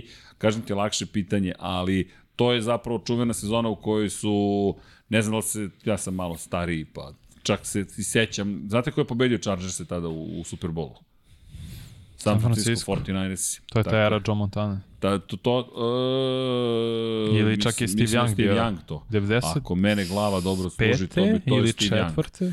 To je Steve Young bio, ali ajde sad moram da proverim. Možda i sad jeste bio Steve sad- Young. Ne, ja, možda, mislim da si u pravu. Ja sam ubeđen da je Steve Young. Mislim da si u ali pravu. dobro. Da je ako 94. 5. Sad ćemo da vidimo ko je to tačno godina, 95. To je Steve Young. Steve Young. To je Steve Young, ali seća se da, da je bio i da je to jedini put kada ste ušli zapravo u Super Bowl. I to je bilo veliko iznenađenje te sezone. šok. Ali 49 poena imao San Francisco, to se sećam, toga se sećam, ne znam koliko su Chargersi. Malo. Malo. Manje od toga, Vanja znaš. je baš, Mislim baš imali je indisposed 20. u celoj priči. Mislim imali 20. Ali ne, ne znam, evo sad Baš je i Dallas posljednji put dobio u gostima u play-offu u San Francisco. Tačno pre 30 godina. Evo vam Dallas onda kada Pa već da, da. spominjete Dallas Da. vreme i najavimo Ajmo. poslednju Možeš. utakmicu. E, ne, da imam naše prvo, no... To možemo sledeće nedelje, u šta? petak može. Možemo u Nije. petak sa prognozama. Može, okej. Da, Ne, ne, prognoze, ajde ostavimo i drugo, nema nam e, brata Mikse, pa Može, da, bi to može. bilo u redu da, da, da, da budemo kompletirani. Mada, duhom je tu, evo ga, u Duhom. četu je. U svakom digitalnom slučaju- duhu je Da, da, da. da. uh, Igra su u Tampi. duh. Ajde, Da, počnemo od u toga. Ajmo, ajmo ovako. Cowboys kao peti nosilac, 12 pobjeda, 5 poraza, 8 pobjeda, 9 poraza za Tampa Bay Buccaneers, četvrti nosilac i kao ekipa koja ima manje pobjeda od poraza i osvajač divizije Juga, NFC-a je domaćin. Da, i ono, Igrali su ove godine, već prvi meč je Yes. bio 19-3. Čekaj, Jovan Janković kaže Hudej, kaže 150 dinara donirao. To, nije Bravo, koliko, Jovane. nego to Jovane, dobra karma, hvala. Evo Vanji lopta. Uš. Da, 19-3 je bilo prvi meč. Tampa je dobila, pre svega zahvaljujući trčanje Prvo kolo. Lena, da, prvo kolo, pre svega trčanje Leonard Fourneta. I taj mislim da je jedini put u sezoni imao preko 100 yardi trčanje, možda imao sad protiv Karolina, ali se ne sjećam, ali taj je bio prvi meč. I Tampa izgledala, nije ofens izgledala wow. 19 pojega- poena su ga pre postigli, napad Dallas je bio grozan, Dak je bio očajan taj meč i tu se, tu se i povredio i polomio palac. Ali nakon toga preokrenula se sezona Dallasa na mnogo bolje, a sezona Tampa je neko ostala u znaku Nigde. tog meča. Pa da, nema pojena, nema, napad ne može postigne više od 20. Ja dalje mislim meč protiv Karoline anomalija bila da su oni izdominirali, imali koliko 30 plus poena, što nisu imali čitave ove sezone sem tada.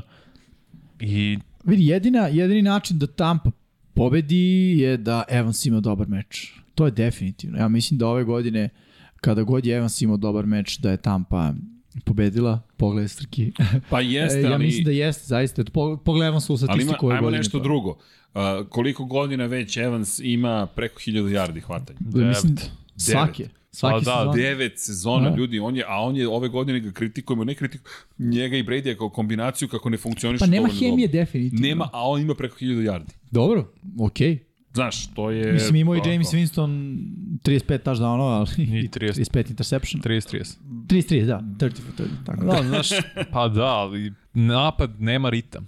Nema to, fali nešto. Ofenzivna linija rukom srca jeste povređena i jako je Brady malo puta bio sekovan, nije to nešto skočilo, ali to je mnogo pod pritiskom. Tako je, konstantno je pod pritiskom i tada mu je jedan od loših QBR-a, mislim 29. u ligi, pa i yardi po dodavanju mu je 3,3 kad je pod pritiskom, znači ne ide, to ne funkcioniše, mnogo se brže i, i mnogo brže izbacuje loptu. Ja mislim da ne želi više ta, da dobije taj jedan udarac koji bi ga izbacio iz futbala. Ne To je moje sum i ja to vidio, ja tako vidim Ja da on... ne verujem, vidi, Brady je baš ono sjajan u, u, u tome. Kada stiže pritisak, ono, bukvalno od posljednju sekundu se sa, savije primi udarac i padne najbezbolnije moguće. Dugo nisam video Brady-a. Bilo je zapravo, e, čini mi se, možda tri nedelje pred kraj nešto da je dobio udarac onu ruku prilikom izbačaja, to dugo nisam video, skoro cele sezone. Tako da, e, mene recimo ne iznenađuje da pod pritiskom baci samo 3,3 jarde, zato što to znači da gađa kraće opcije u proseku. Što je rezultat kako ideš protiv pritiska. Ne bacaš fade od 40 jari kada ide blitz pravo u, u lice. E, moj jedini problem je to što si ti već rekao. Ofanzivni ritam koji ne postoji kao i neki plan. Čini mi se da njihov plan ono je po sistemu drži vodu dok majstori odu. Odnosno oni naprave game plan i već nakon prve četvrtine se odustane od toga. Kreće se prerano improvizaciju. Prerano se odustaje, čak ne moraju ni da gube da bi odustali od svog plana. Ali to je najveći problem. E sad, sa druge strane, Dallas Cowboys igraju vrlo sličan futbol. Ako ćemo realno. I Dallas Cowboys krenu sa nekim balans, izbalansiranim napadom i odjednom zaborave da imaju dva dobra running backa. Dallas postiže sa Dakom 32 poena po meču. To je najviše. Mislim, drugi Doug baca Da. da. presečene lopte, I ima od najviše. Commandersa u poslednjoj nedelji Pa sa šest da, pojena postignut. I To je grozan kao... meč. Ali to je, to uvertira Pazi, za playoff za Ne, njih. jeste. I da se razumeme, Dak imao 15 presečenih i 11 mečeva, ali nisu sve presečene bile na njegovu ruku. I bilo je odbijanje hvatača 3-4 i prosto neko odbije da. loptu u defanzivnoj liniji. Jeste, ali ne pričamo sad o Daku. Pričamo o napadu. Ja nisam... Napad postiče mišljenje- 32 poena. To je najviše u ligi. Pa dobro. Okay. Mislim, malo je, kako Pa, god daje, da, to je puno poena. Vidi, Postiže. Ja, ja i dalje više verujem Tampi, iskreno. Znaš, delo, ne toliko Tampi, nego u toj kombinaciji Brady plus, pazi, Evans imao preko 1000 yardi, Godwin imao preko 1000 yardi. Ako oni to spoje jednu utakmicu, Ali problem trčanja. Jeste, problem je trčanje. Po tri jarde su imali u jednoj od utakmica, tri jarda, ali ukoliko uspeju to da srede, a pazi, ovo je ipak playoff, malo je drugačija situacija. Ja tu gledam da li će se stvari promeniti. U to, to, to da bolu se ne verujem previše, iskreno. Inače, priča se da bi da oni takođe žele Šona Paytona. Dobro, logično. Mislim, vidi, može se sa napravi poznaje rokada, divizije. Bol da se vrati na defanzivnog koordinatora, da se dovede Sean Payton da bude, da Ali, bude glavni da trener. vidimo Ali meni je Byron utakmica. problem. Znaš, ofenzivni ritam je Uh, Todd Bowles je defensivno orijentisani trener, Jeste. znači ne možemo u njega da upiremo prst kada govorimo o napadu. Odbrana i toliko. nije tako loša. Pa odbrana je, A, Nije, kad, nije loša, nije Da. ni spektakularna. ok, nije Pa, loš. prosto. Nije loša. Ok. Nije Ali da li ti treba bolje od toga? Dak? Treba ti, Treba u ovoj ti. situaciji kad napad nema ritam, moraš da imaš to. Ne, ne, protiv Dallas Cowboysa konkretno. Da li Dallas ima to što je potrebno da sada Ima. završi Vidi. posao protiv Tampa? Ima, da li će se večeras pojaviti, ne znamo, kao i za svaki meč za Dallas. Mogu da pregaze, mogu da budu pregaženi. Znaš, može da se desi, mogu da se desi Commandersi od prošle nedelje, a mogu i da se dese Vikingsi kad su ih, ono, obrisali sa terena. Brady To je ima Dallas. sedam pobjeda bez poraza protiv Dallasa. Mada Yes. to imaju i protiv Atlante pa su izgubili prethodnu utakmicu. Mada, što kaže Miksa dok je igrao Brady, nisu bili loši. Da, to ne možeš da mu uzmeš tu poslednju utakmicu Ne, u ne, ono statistiku, je jer odmaranje. Odmah. ono, nije igrao celo. odmaranje. Nije igrao celo. Uh, ne znam, ja... Ko je ključ pobede? Ajde, Jimmy, ti to uvek pitaš. Šta je ključ ovde pobede i za jedne i za druge? Gde leži pobeda Da, trčanje. večeras? Trčanje za, Trčanje. pre svega za Buccaneers. Obe ekipe. Ne, mislim, čuvanje lopte je za Dallas. Ti ako ne sme se ponovi Washington i da ti baciš pick six ti sebi oduzimaš pojene i daješ protivniku. De facto, to, to je najprostije objašnjeno šta znači pick six. Jeste, ali uh, Dallas da bi pobedio mora da bude u kontroli rezultatskoj sve vreme, uključujući poslednji drive, kada bi Tom Brady potencijalno imao loptu. Mora da bude u rezultatskoj uh, kontroli, jer tada onako, i malo više razmišljaju o trčanju. Ukoliko ne kontrolišu rezultat i ukoliko počnu da osjećaju pritisak, što je nekad i na 3 pojena razlike, što bi značilo ono, 7-0 Dallas, 7-7 Tampa, Uh, ništa Dallas, ništa Tampa, 14-7 Dallas, 14-10 Tampa, Dallas već ulazi u panic mod. Jer iz nekog razloga za njih to nije dovoljno, već su prošle ono, četvrtina i pobliži se poluvreme, hoćemo na poluvremenu da vodimo dvocifreni i barem jedan posled uh, razlike ceo, znači on touchdown ili više i to može Dallasu da se, da se obije u glavu. Dallas ume, Dallas za razliku od uh, recimo Chargersa koji mislim da ako bi Dallas poveo 27 pojena razlike da bi održali to. Jer oni su ekipa koja kada vodi stiskaju, ups, Jeste. stiskaju gas, Tiskaju to. stiskaju e, papučicu gasa do samog I kraja. gase, da. gase. Oni su ono buli, znaš. Samo Da, te da. maltretira, ti se uplašio, sad ću da nastavim dalje. Znaš, a ako si, ja sam buli, a ti mi odgovoriš, o, čekaj da vidim možda, znaš, no, boje da ne diramo ovog klinca, mogu da dobijem. Pazi, mora Micah Parsons da počne da igra ponovo, kao što je igrao prvih 6-7 utakmica sezone. Definitivno opao nivo igre u drugoj, po, u drugoj polovini sezoni i to mora da vrati. Mora da Brady osjeti njegov pritisak, jer on je pokretač odbrane. On je Jeste. najbolji igrač u timu, ne bi si računajući Daka koga god, možda eventualno Zach Martin, ali Micah Parsons je najbitniji igrač Dallas. Apsolutno. Ja da sam, uh, da kažem New England, da sam Tampa Bay Buccaneersi, kreirao bi tako akcije da Micah Parsons ne bude nikakav faktor u prvom polovremenu. Da se na, u slačionici pita ono, šta radim danas ovde. To, može i da Brzo od gudvaješ. predija, Mhm. ili na njegovu stranu ili suprotno njega, tako da on, ono, naš, Čak nema. bi taj ten stavio, on da ga zakači pa posle da, Da, da. ide iz roll outa, da, da, da, ne da ga zakači, svoj ritam. da ga blokiraju njih dvojica dve sekunde i onda se taj tim mm -hmm. odvoji na dodatnu rutu. To Brady može da otvori sredinu ukoliko linebacker prati uh, taj tenda i da to bude neki, neki ključ pobede. I naravno, ono, prihvati igre na kockara, igre na Dixa. Igre na Dixa, realno igre na Dixa. Go, Godwin ili, ili Evans igra na njega. Daj mu neku double move route, ono, stop and go, znaš. Naloži ga, daj tri, tri puta baci hitch i onda baci stop and go. Jer on je kockar. Znaš, daj mu malo, daj mu malo, daj mu malo i onda mu uzmi sve. Ozbiljno, ja bi to radio da sam, da sam u situaciji, ovaj, eh, zapravo da sam eh, u, u, u poziciji da napravim game plan za, za Tampa Bay Buccaneers. ali mi djeluje da bi voleo. Da, da, da, da. Volao bih. Ali ono, opet, forsiraj trčanje, forsiraj kraće opcije, skrinove na hvatače. Tad će se pojaviti playoff Lenny. Nije pojem da će on, nego da će dobiti Da će šanse da se prilike. Da, da, okej, to, To je je- drugo. to je da, da, ključna da. I vidi, pitanje. on je vrlo sličan trkač kao Derrick Henry. Ali je velika razlika što on dobije 7 nošenja, a Henry dobije 20+. Plus. Da, da, pa to stalno pričamo. Da, ako Henry želiš, ima taj touchdown, Pa to, home to, run. to. A Ali ne ovaj, moraš da ga zagreš sa 7. To je mašina. Mora 20-25 nošenja da ima. on je onaj, kako se to kaže, atmosferski motor. Znaš, Tako je. Onaj Opa, koji- hoćeš a? u Lab 76, a? neće, ovo sam samo čuo od prodavca. Ne. Kad smo kupovali.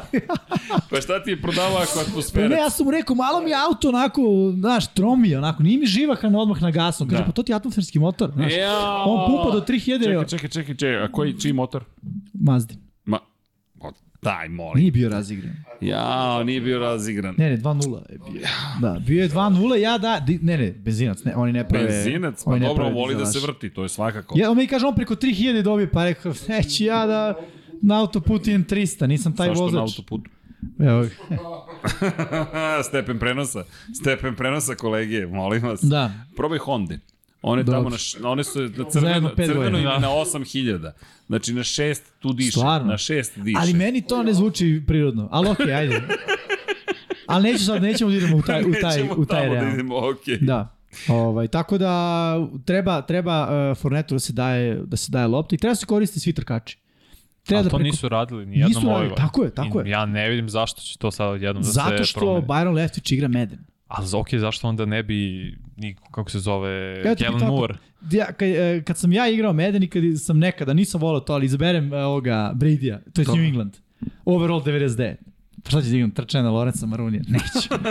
Možda nekada. Pa bacam paseve na To sve ide u pričam. ruke. Cijela godina to ne radi. Da li si makar ove godine pokazao da trče i da su i Zeke i Pollard imali po 15 nošenja ili 15 dodira sa loptom tokom Da. da. meča minimalno i to je funkcionisalo. Jeste. Jer su sjajno radilo. I zdravi su i mislim fokusirani da ne vidim kako Tampa može da pobedi. Video sam se o 17 mečeva da je jedan bio u napadu fenomenalan. Pa ja mogu da vidim da... A Uh, da li sam video da je imao mečeve da je bio fenomen, imao i par da nije, ali više mečeva gde su razvaljivali ljudi. Po Po meni- dosta pojena postizali. formula za Tampu je uh, trči dosta, koristi sve trkače, ali domina, do, neka pred, ono, dominantni trkač bude Fournette, da bi nakupio ti 20 nošenja i imao jedan home run. A za Dallas, ono, budi potpuno izbalansirana ekipa. Znači, Zeke Pollard, uh, Duck, CD Lamb. Zeke Pollard, Duck, CD Lamb. Ma bukvalno. ljudi, vidi, možda manje se ne vidi kako, ali ja stvarno neću da pocenim Tampa. I ja verujem da Tampa ide dalje. Ja sam ubeđen da idu u San Dobro. Francisco. Da, da. To je moje Vidi, mišljenje. sad trenutno imaju najveće šanse da prođe dalje. Nije još počeo meč. Nije još počeo meč, dakle, dakle, ne. Čekaj, pa lako. Vidjet ćemo večeras kad se budemo dopisivali. Hoćete spavati? Uf, Ja ću da završiti napet. ovde u dva ujutru, ja sam Ti da, ti imaš. Luku i Kuzmu od I 10. idem. Sa, tako Da da. ništa ti navuci i njih, da, da, da lagano. Da, da. Dobro, hoćemo da kažemo koji su nam pikovi? Ili smo to već rekli? Već smo rekli u petak, Rekli smo tako? prošlog puta, ali možemo da ponovimo, ali šta si ti birao? Dallas. Dallas, Dallas, ti si izabrao Ja sam Tampu. Tampu. Mislim da smo samo Miksa i ja birali Tampu. Da, jeste, jeste, jeste. Mislim da tačno, su samo, tačno. tako, tako je. Vas dvojica ste izabrali Da. Tampu. Čekaj, imamo novu donaciju. Cody, Cody No Love, 2 evra i 49 eurocenti. Opa. Scriptwriteri će spremiti game winning drive tomu. Što može da Kako se je desi? upisan? Dakle, vidi. Cody? Cody No Love. To uh, optimistic To Josh Allen fan. A ja, to optimistik. Ja, b- dodi mi to, molim te, karticu. b- vidiš Josh Allen tebe. fan. Ja, zaboravio sam da stavim. Jel treba nekom se zahvalimo ili Gledajte, ovo mi pozdravimo? je najbolji drug da. Od, Znaš kako? Pa ne treba, to mi najbolji drug dao. Pa valjda kažemo pozdrav najboljem drugaru. A, Mi, mi ovo to. Jo, Mi- optimistic Josh Allen fan. Mnogo dobra kartica. Mnogo cool. Nice. Hvala. Cool. Hvala Cody No Love. I Opa, Pablo, znači Don 3-3 Pablo. smo. Don Pablo Iz coming from behind. Da, da, da. Dobro, E da, kakva je, da. da, inače bavit ćemo se prognozama kad prođe i ova utakmica pa da vidimo gde smo. Vanja mi je očajan na, na Run Your Pool. A, izbor slučajno Miami. Jako sam birao kod nas Buffalo. Bukvalno Da. ne znam kako sam izabrao Miami. Klikno je Miami. Slučajno sam, nisam uopšte izvalio dok nisam na, jutro slušao i video kao 3-2, kako 3-2, je ono Miami izabran. Tako da to je da. kiks. Baš, kiks. Baš, baš smorio. Pa što bi bio drugi, pa bio bi drugi, sad sam tu sedmi. Oh. O, Dašo vredi teška dva. priča. Pa dobro, Da, šalim se, Vanja, bitno. prozivamo. Ali da ti kažem nešto isto što sam ti rekao i pre nego što je emisija počela. Da si birao Jaguarse, ali ja u ne biram protiv svojih timova kao vi. Te ja da se držim Kao vi, a kad sam ja sam dobio Jetsa Biro da si za Jets, Jetsa, biro ja si protiv birao Jets, da nisi uvijek, ne, i ti, svi ste birali jedno. Ja sam godinama birao Jets. Vidi, ali najbolje da biraš protiv svoje ekipe. Ako izgube, imaš satisfakciju. Ako dobiju, imaš satisfakciju, realno. Ne mogu, ne mogu, ne da mogu tako. Pa da. Meni, Evo, koleginici iz prode došla. ne mogu, ne, ja moram biram svoje. Kape, Kako majice. majice. majice, kape, kačket. E da, kape. Ljudi, nije što su naše, ali stvarno su dobre. I tople su. Igraju. Opa, Logično. čekaj. U, u ne, na ovu stranu. Eto. Čekaj, 99 yardi. I tako. A, šta nam je ostalo Nedobraze, još? Šta nam ostaje? Uf, Ništa. znam ko nam nedostaje. Miksa, ako si tu, samo ti pošaljemo malo ljubavi. Mazite se i pazite se, drugari, neka bude jedna dobra godina. Da, imamo, pa šta još imamo? Pitanje odgovore. Pitanje odgovore. Ajde imamo šta, kako ljudi evo, razmišljaju, šta ih kako? zanima. Bi Ajmo Miksa, ti imaš neko pitanje? A, šalno na stranu. U, čekaj, moram nešto da, da, da uradim, da ne zaboravim. Miksa, imam dokaz. Ovog puta imam dokaz. Dakle, predao sam. Izvolite. Šta je to? Ključ. A, okej, da, da, da, da, da, dobro. Da, sve smo sredili. Inače, e da, jednu bitnu stvar. A to je da će biti Super Bowl party. Ne znam da li to treba da najavljam još ili ne. E, ljudi, ja uvek najavljam i kad treba i kad ne treba. Super Bowl party organizovat će ekipa iz Dogme, ekipa iz Beogradskih Vukova i ekipa 99 Yardi. Kada? Kada bude Super Bowl. Ja mislim da je to dosta logično. Tako da znate, bit će tamo igrači Vukova, ne znam koji, da li će uspeti ko šta kako, gde, a, gde ali zajedno ćemo organizovati celu priču, tako da, eto, da znate da ćete moći da pratite Super Bowl u Dogmi i moći ćete da jedete i da pijete dok traje Super Bowl. Sve ono lepo. Hrana je do jedan ujutro, posle toga je samo pivo. Tako da, Da. znate, pa eto, poziv da dođete u Dogmu, vidjet ćemo ko će tada biti, gde ćemo biti, meni polako počinje već pripreme za sezonu MotoGP-a ove godine, to je Formula 1. Formula 1 kreće 5. marta, ljudi, nikad manje prostora između, ali eto. Dobro, liga ima. Hoće biti repriza dočeka Superbola. Ajde, prodimo kako će biti doček. Ajmo sad da. da ga dočekamo, to, to, to, to, to. Pa nije loša ideja, stvarno je dobra, dobra ideja, čoveče. Jeste dobra ideja. Repriza dočeka. Da, repriza dočeka super. Repriza dočeka Superbola. Pa doček. Superbola. Pošto počne u ponoć. Tako je. Može čak i posle. Tako Pola je, jedan. tako je. Pola jedan poče. Pola. Evo, Bjuro kaže, ajmo, ajmo ljudi kape, majice, kačketi, ajmo žene z okne s grbom vašeg tima. Tako je.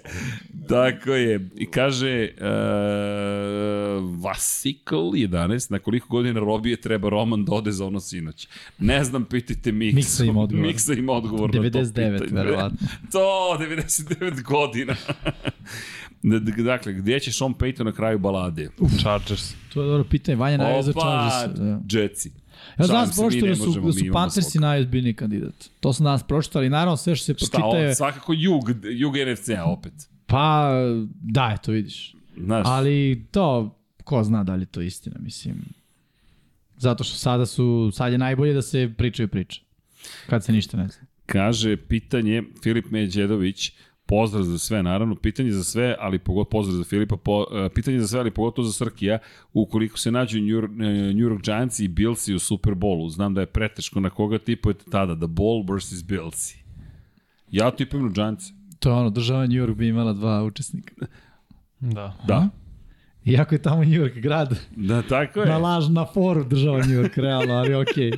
Samo da je bilo New York, New York. Da, ali ja tipujem na Giantsi u toj situaciji. Ako stignu do Super Bola, kogod da je preko puta, ja ću da tipujem na njih. Ja sam rekao Buffalo osvoje, tako da meni. Buffalo, Mislim da. Buffalo će da stane sledeće nedelje.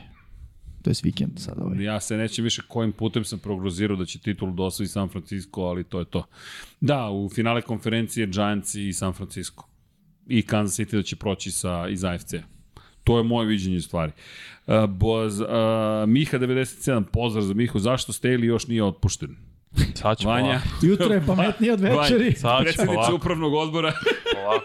Mora jedan sastanak formalno se održi To, sa to, čovekom da bi imao lep razlog da mu daš otkaz. E, ja mislim da se čeka sledeći meč Jaguars. Ako Jaguars i pobede, ostaće, ako izgube, bit će fuzonu doviđenja. Da, kaže Bojan Radosavljević, organizujte kao pre dve godine kada je bio Kirčić da gledamo zajedno Super Bowl. To ćemo gotovo sigurno da uradimo. Pa to je dobra ideja, da. Da, to nam je neki plan, da, da uradimo i da se malo družimo. Gordon će možda biti zajedno sa nama sledeće nedelje, vidjet ćemo, ali kako god, kažete gospod, gospod Srki. Veliki fan je i Šarenac. Pre, Veliki fan je i Šarenac.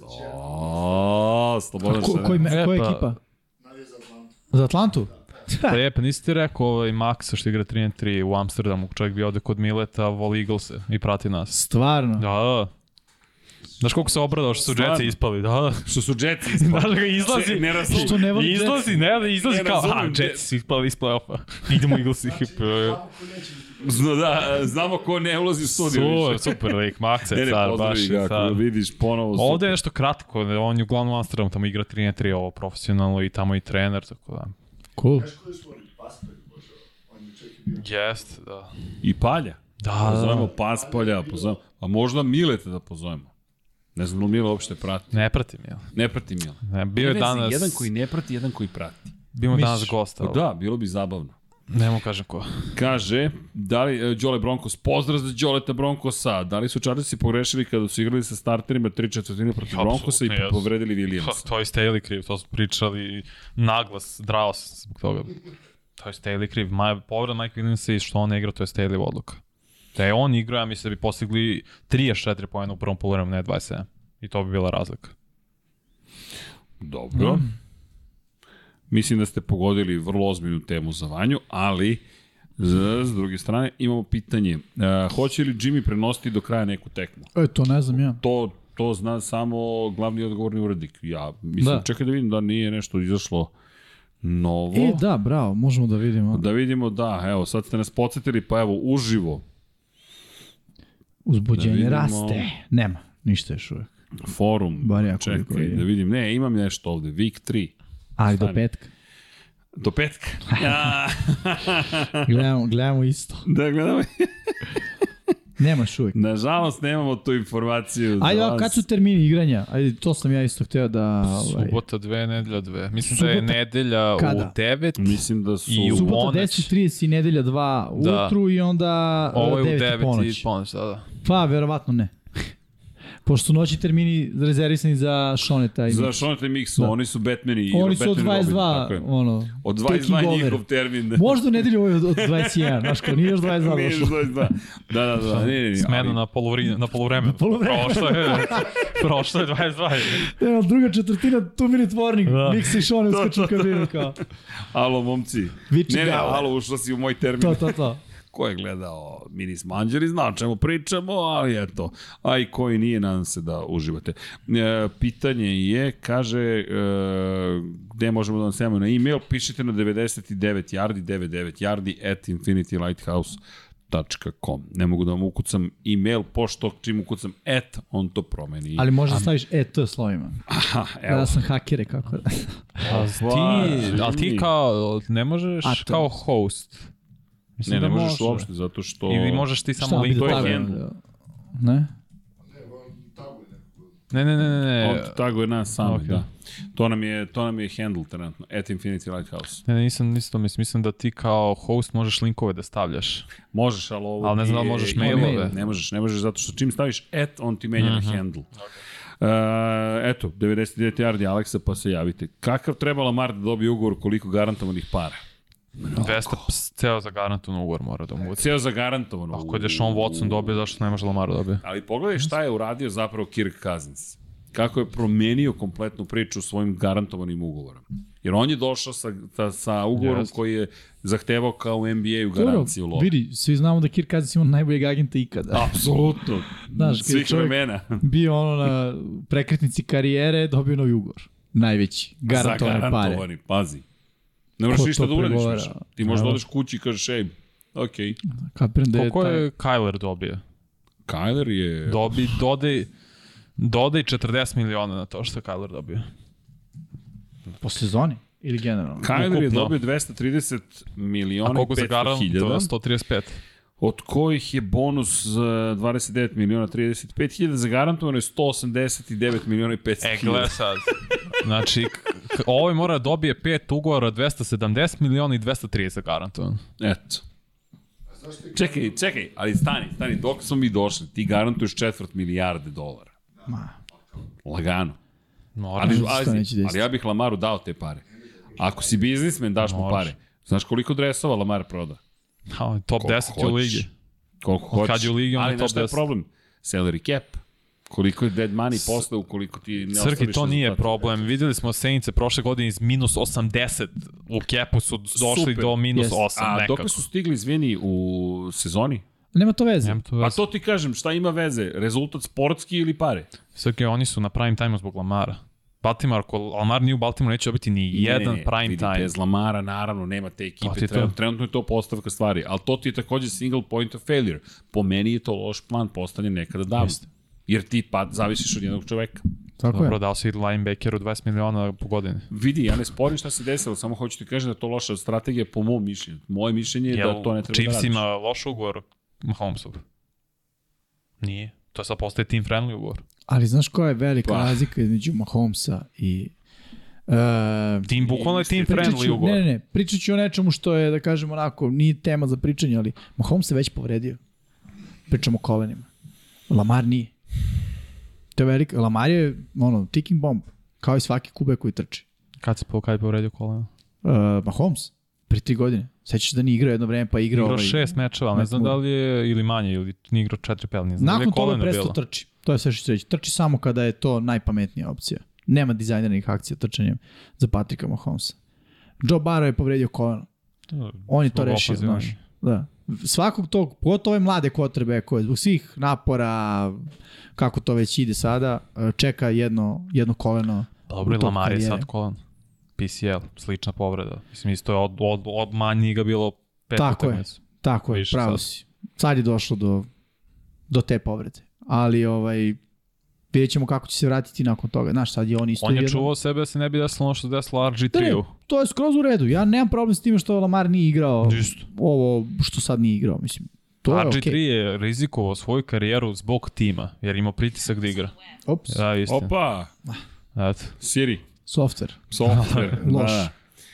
Kaže Bojan Trajković, da li mislite da Cowboys ako prođu Tampu mogu do Superbola ili bar finala konferencije zbog napada koji je zaista po meni razarajući? Pa, Na koga idu? Pa ne, Ja idu, na, da ne. idu na. San Francisco, to im Idu na baš San ne Francisco odgovara. zagarantovano. znaš kako ja večeras. njih, znaš kako ja njih vidim? Kao ono neki, uh, uh, kad se rekao razarajući, ono razarač uh, na, na, na, Dobro. na okeanu, koji ima mnogo ozbiljno oružje, ali nema radar. I onda samo puca. Ili može ovako. Možda je on Ako pogodi, razarač. on rastura, ali ako ne pogodi, treba mnogo vremena da se reload. Možda je razarač, ali ovo su podmornice. Opa, znaš i to. A? Ili nosači smo tu. aviona, pa Da. ti pošalju i ne stigneš do njih.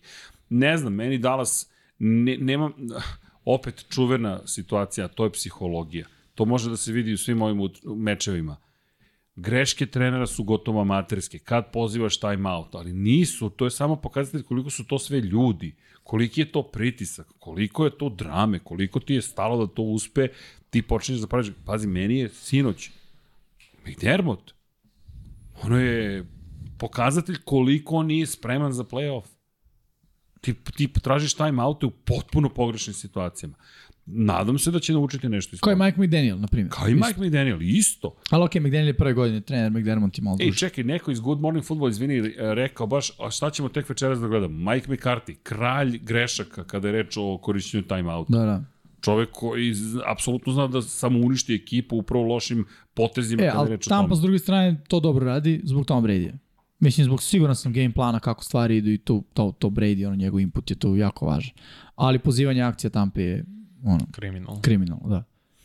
Da, evo, o, uh, uh, Expinium, šta mislite o Chiefsima, Eaglesima i njihovim šansama da za Super Bowl, nakon što su timovi wild cardu sada malo pokazali svoje karte? Mislim da Chiefs imaju mnogo lakši put nego Phil. Složio bih se. Da. Da, da, Jeste. apsolutno. Mislim da je San Francisco... od- jes, pa da, okej, Jesam. da. Pre svega gledam San Lepo Francisco. pitanje, ajde da vas pitam, jesu vas ubedili Billsi ili Bengalsi da mogu da dobiju Kansas City? Ja mislim da Billsi mogu. Iskreno. mislim da, da, da Bengalsi mogu. Ali ne mogu vidim Bengals ofanzivni linija Ja ja, opet ispovređen. da, znaš. ja se vraćam na ovu priču. Bengalsi mogu da dobiju Chiefse, Billsi ne mogu, Chiefsi mogu da dobiju Bengals, evo, Billse, a Billsi mogu da dobiju Cincinnati. Začarani krug. Složio bi se s da tobom. Billsi su dobili već Chiefs. Ja bi složio s tom da ih nisu dobili, su ih dobili. Nadigrali play-offu? su ih. U play-offu nisu. Odigrali su koliko jednom u play-offu, da? Super, ali Dobro. ej vidi, i ti, ko, ti, i ti napominješ tu jednu pobedu, ja napominjem drugu pobedu. Da, bilo je sve napeto, ali ja i dalje mislim da Chiefsi dobijaju Bills. To je samo mišljenje, vidi Vanja, nemam pojma. Nadam se da ćemo, Ne. volao bih da mogu da igraju svi protiv svih, ali ne mogu. Neko mora da izađe kao pobednik iz utakmice Billsa i Bengalsa. A to jedva čekam. To da čekam petak da najavimo tu priču.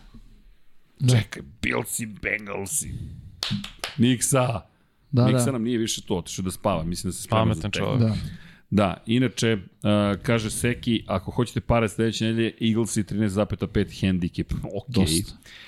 To Koliko, prese, kako? Ne misli na plus na Giants. Ja ne verujem gaženje da će biti u strani Eagles. Ja mislim da neće biti ga- gaženje. Pa da, ali 13,5 handicap. Da, da, to bi, to je ne, ne, to, je- to Giants. bi, da, da, tako je. Uh, Aleksa Maljković, koliko presečnih dodanja će imati Prescott večeras? Neće imati nijedan. Imaće O, čist meč. Ja dva mislim minimum. Pa dobro, ja, dobro. ne, ne znam ko igra Ed Reed u odbrani i Tampe, pa će imati dva. Dobro. Ja mislim jedan, jedan pik i jedan fumble. Vidjet ćemo. Ej, vidim, u petak ćemo da analiziramo Mora ovu priču. I on je breaking point za Dallas isto. Boris kaže, ko će da zaustavi Kansas City kada pogledaš? Um, Jako teško. Jako Jeste, zadatak. baš je teško. Stvarno, stvarno je teško. Mahomes, Kelsey, pa čeko, ko će da ih zaustavi?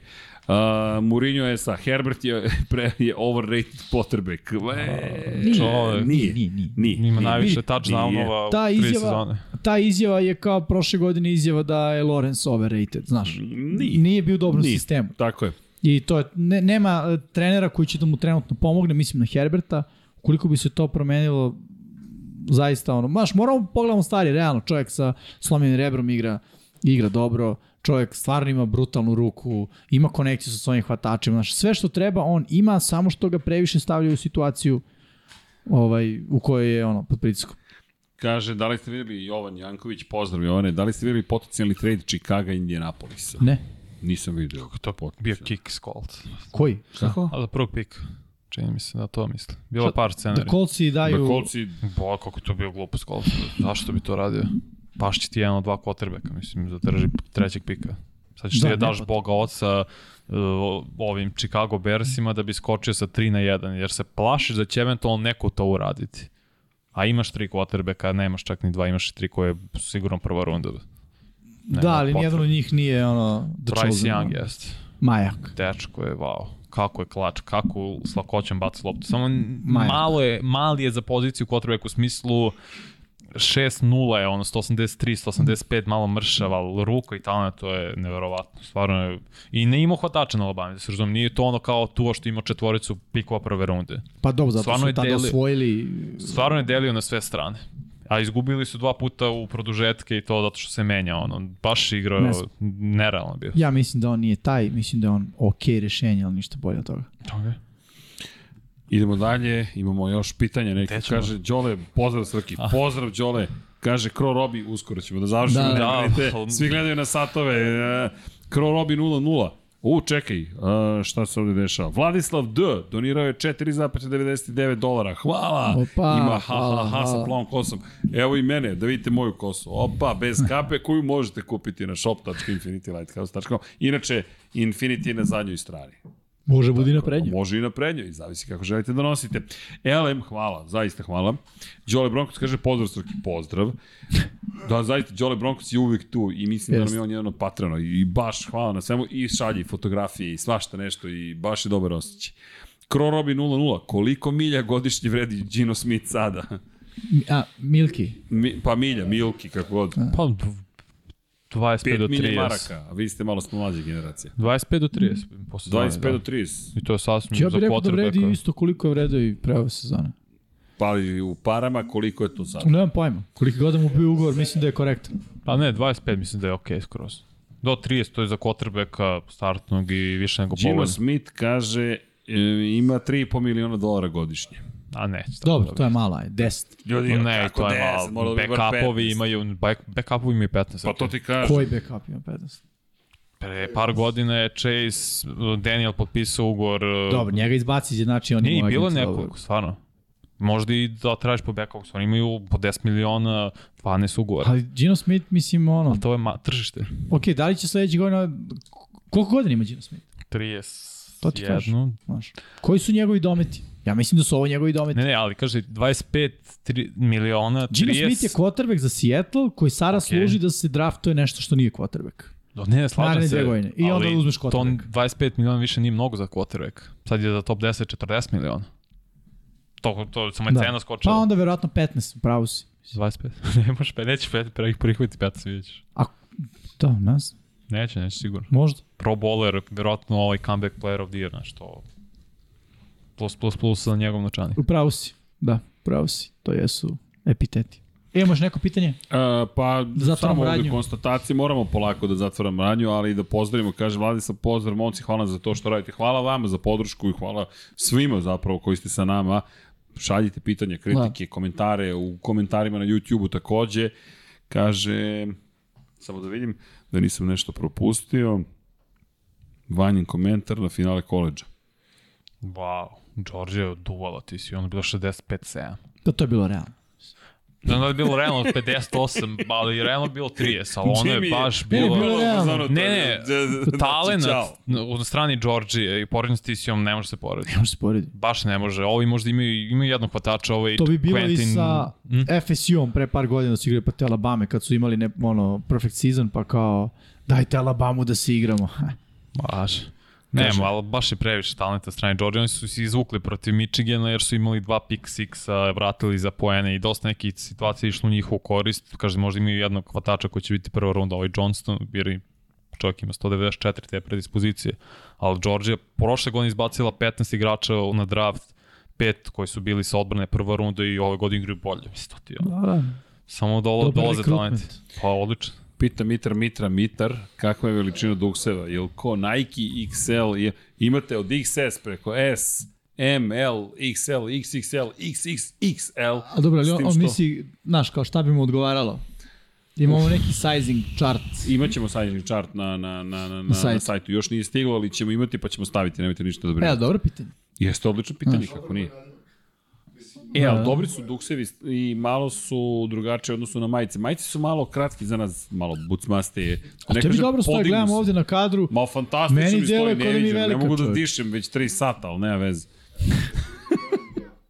Da. O, hvala, e, hvala ti Srkini. E, baš si mi pomogao, aj dobro.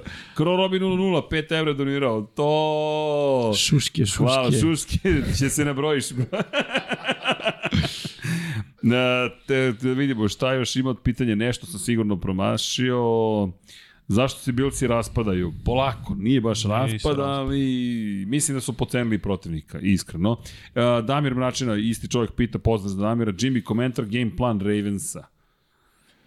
Pa već sam rekao, Nisu mogli bolje od ovoga, ja mislim. To, to je to sa rezervnim quarterbackom, ne, ne znam. nije bilo loše, generalno, ali opet mislim da je ono, previše stavljeno na, na ovaj, ispred Huntlija da, da on reši. I mislim da. Da. je to moralo da bude bolje. E, I ono, moraš da znaš kada ne igra startni quarterback, moraš da, da, da razumeš šta tvoja ekipa može da uradi. Ne kažem da Harbo to ne razume, on je odličan trener, ali samo mislim da je Mogu da razumem zašto je e, cela ideja bila Huntley to može, jer i prošle godine je igrao, i ove godine je igra, znaš, to jest je igrao, nije baš kao Skyler Thompson, ono, Ne znaš. bačen, da, ne znaš ništa o njemu. O momku znaš, ali mislim samo da, da, je, da, je, da je moglo da bude ofanzivno onako za dlaku u određenim situacijama konzervativnije. Eto. Ljudi, polako je vreme da se pozdravljamo. Brzo je vreme da se Brzo, brzo. Brzo, brzo. Što brzo?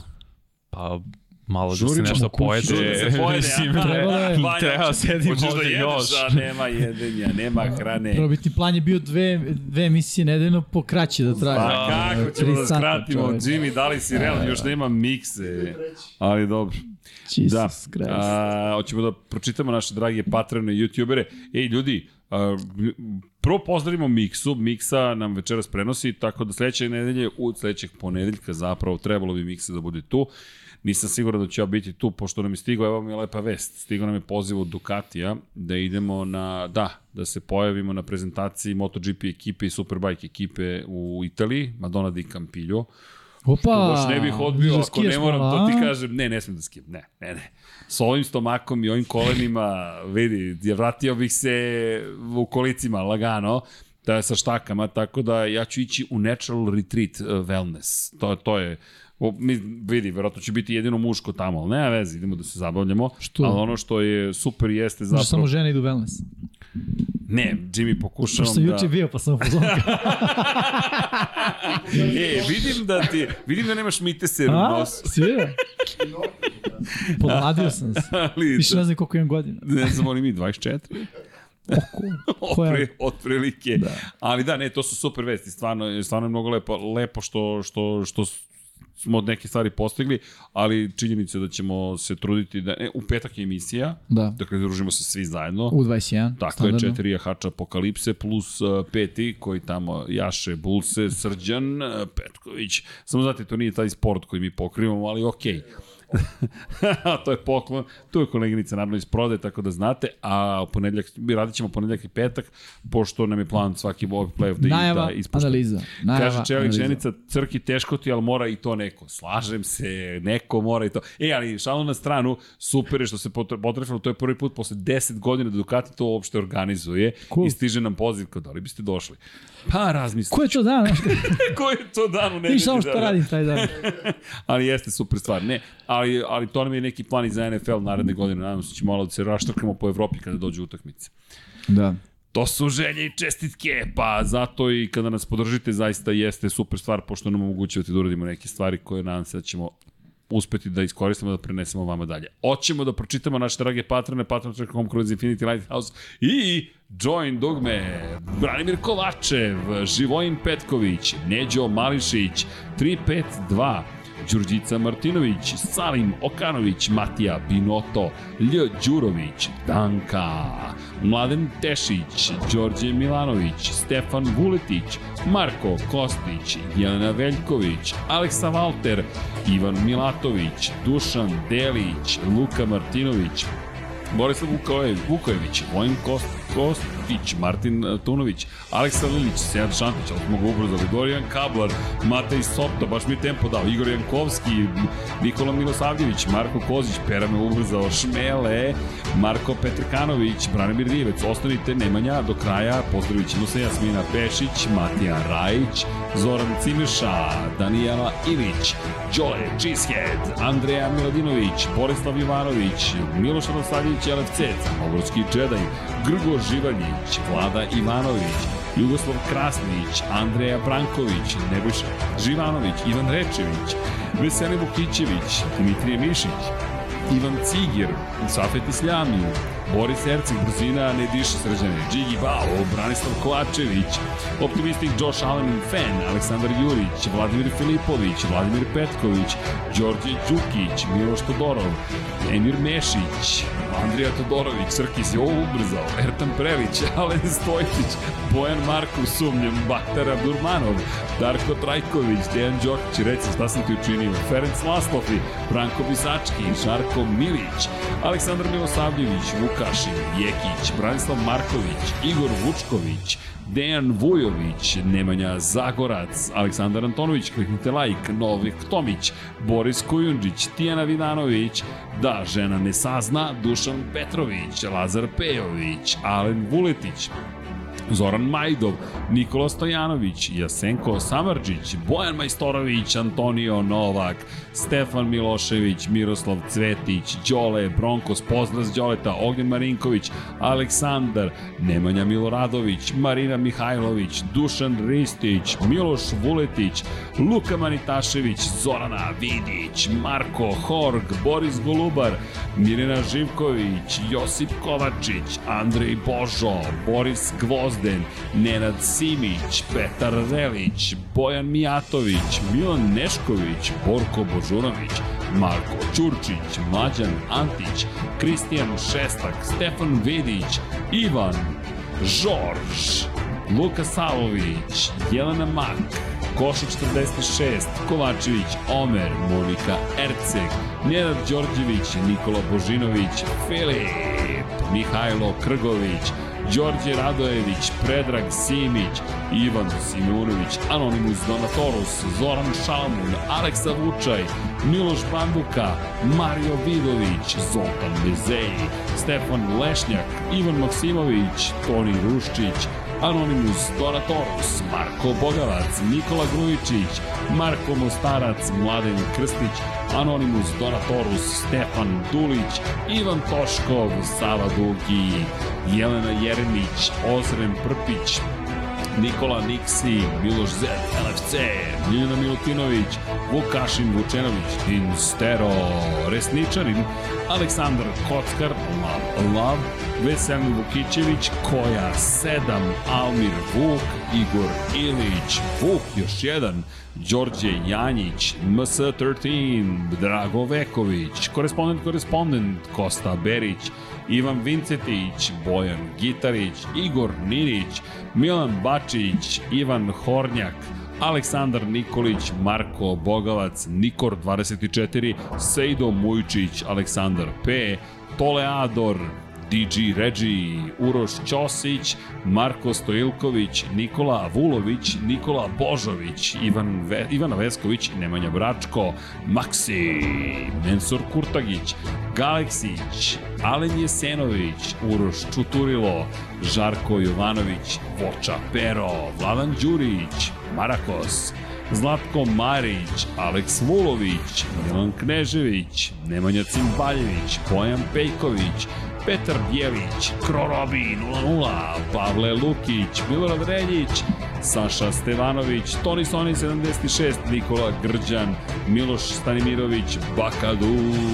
Ivan Magdanić, Ivan Bujasinović, Branislav Dević, Almedin Ahmetović, Marina, Nemanja Miloradović, Nikola Kojić, Vlada Ivanović, Oliver Nikolić, Jelena Jeremić, Anonimus Donatorus, Nemanja, Bojan Markov i to bi bilo to. Idemo u kosmos kao što ste mogli da vidite. Gospode, ste pročitali poruke, pozdravili porodicu, napisali e-mailove i CV-e i sve ostalo.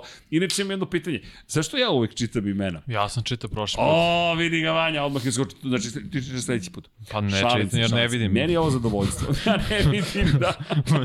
da inače. Vanja zaista ne vidi, ali nema veze. Kad smo radili mix, ja onaj put Ne, poslednji, ne, ovo je, vidi, ovo je zadovoljstvo. ovim tempom.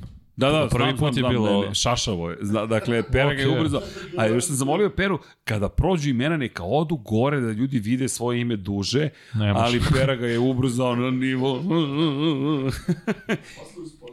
Bo, bo, vidi, Nije, to se čini samo, to navikneš se čini, naviknuti se oči. Znaš, kao quarterbacku kad se uspori igra. Da bi gledao. imena samo. Ono. Uh, u svakom slučaju, e, dragi ljudi, pozdrav svima, hvala vam što nas pratite, hvala vam što ste bili sa nama i u ponedeljak, hvala vam što ćete biti, nadam se, sa nama i u petak. Miksa, nadam se da lepo, pa, lepo pajkiš, da si lepo ručkio i da si spreman za utakmicu. Ja, ja, ja ne mogu da spavam večeras. Ja moram da gledam još ovo da vidim ko će na San Francisco da ide. Znam da nemaju šanse nikakve, jer San Francisco osvaja titulu, to smo već zaključili. Šalim ćemo. se, naravno. Vidjet ćemo, vidjet ćemo.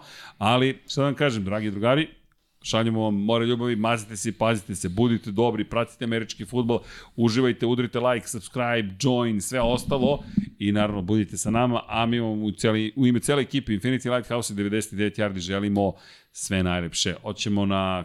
Jimmy, ti kaži. Na 3-4. A, 3-4. Ćao Ćao svima!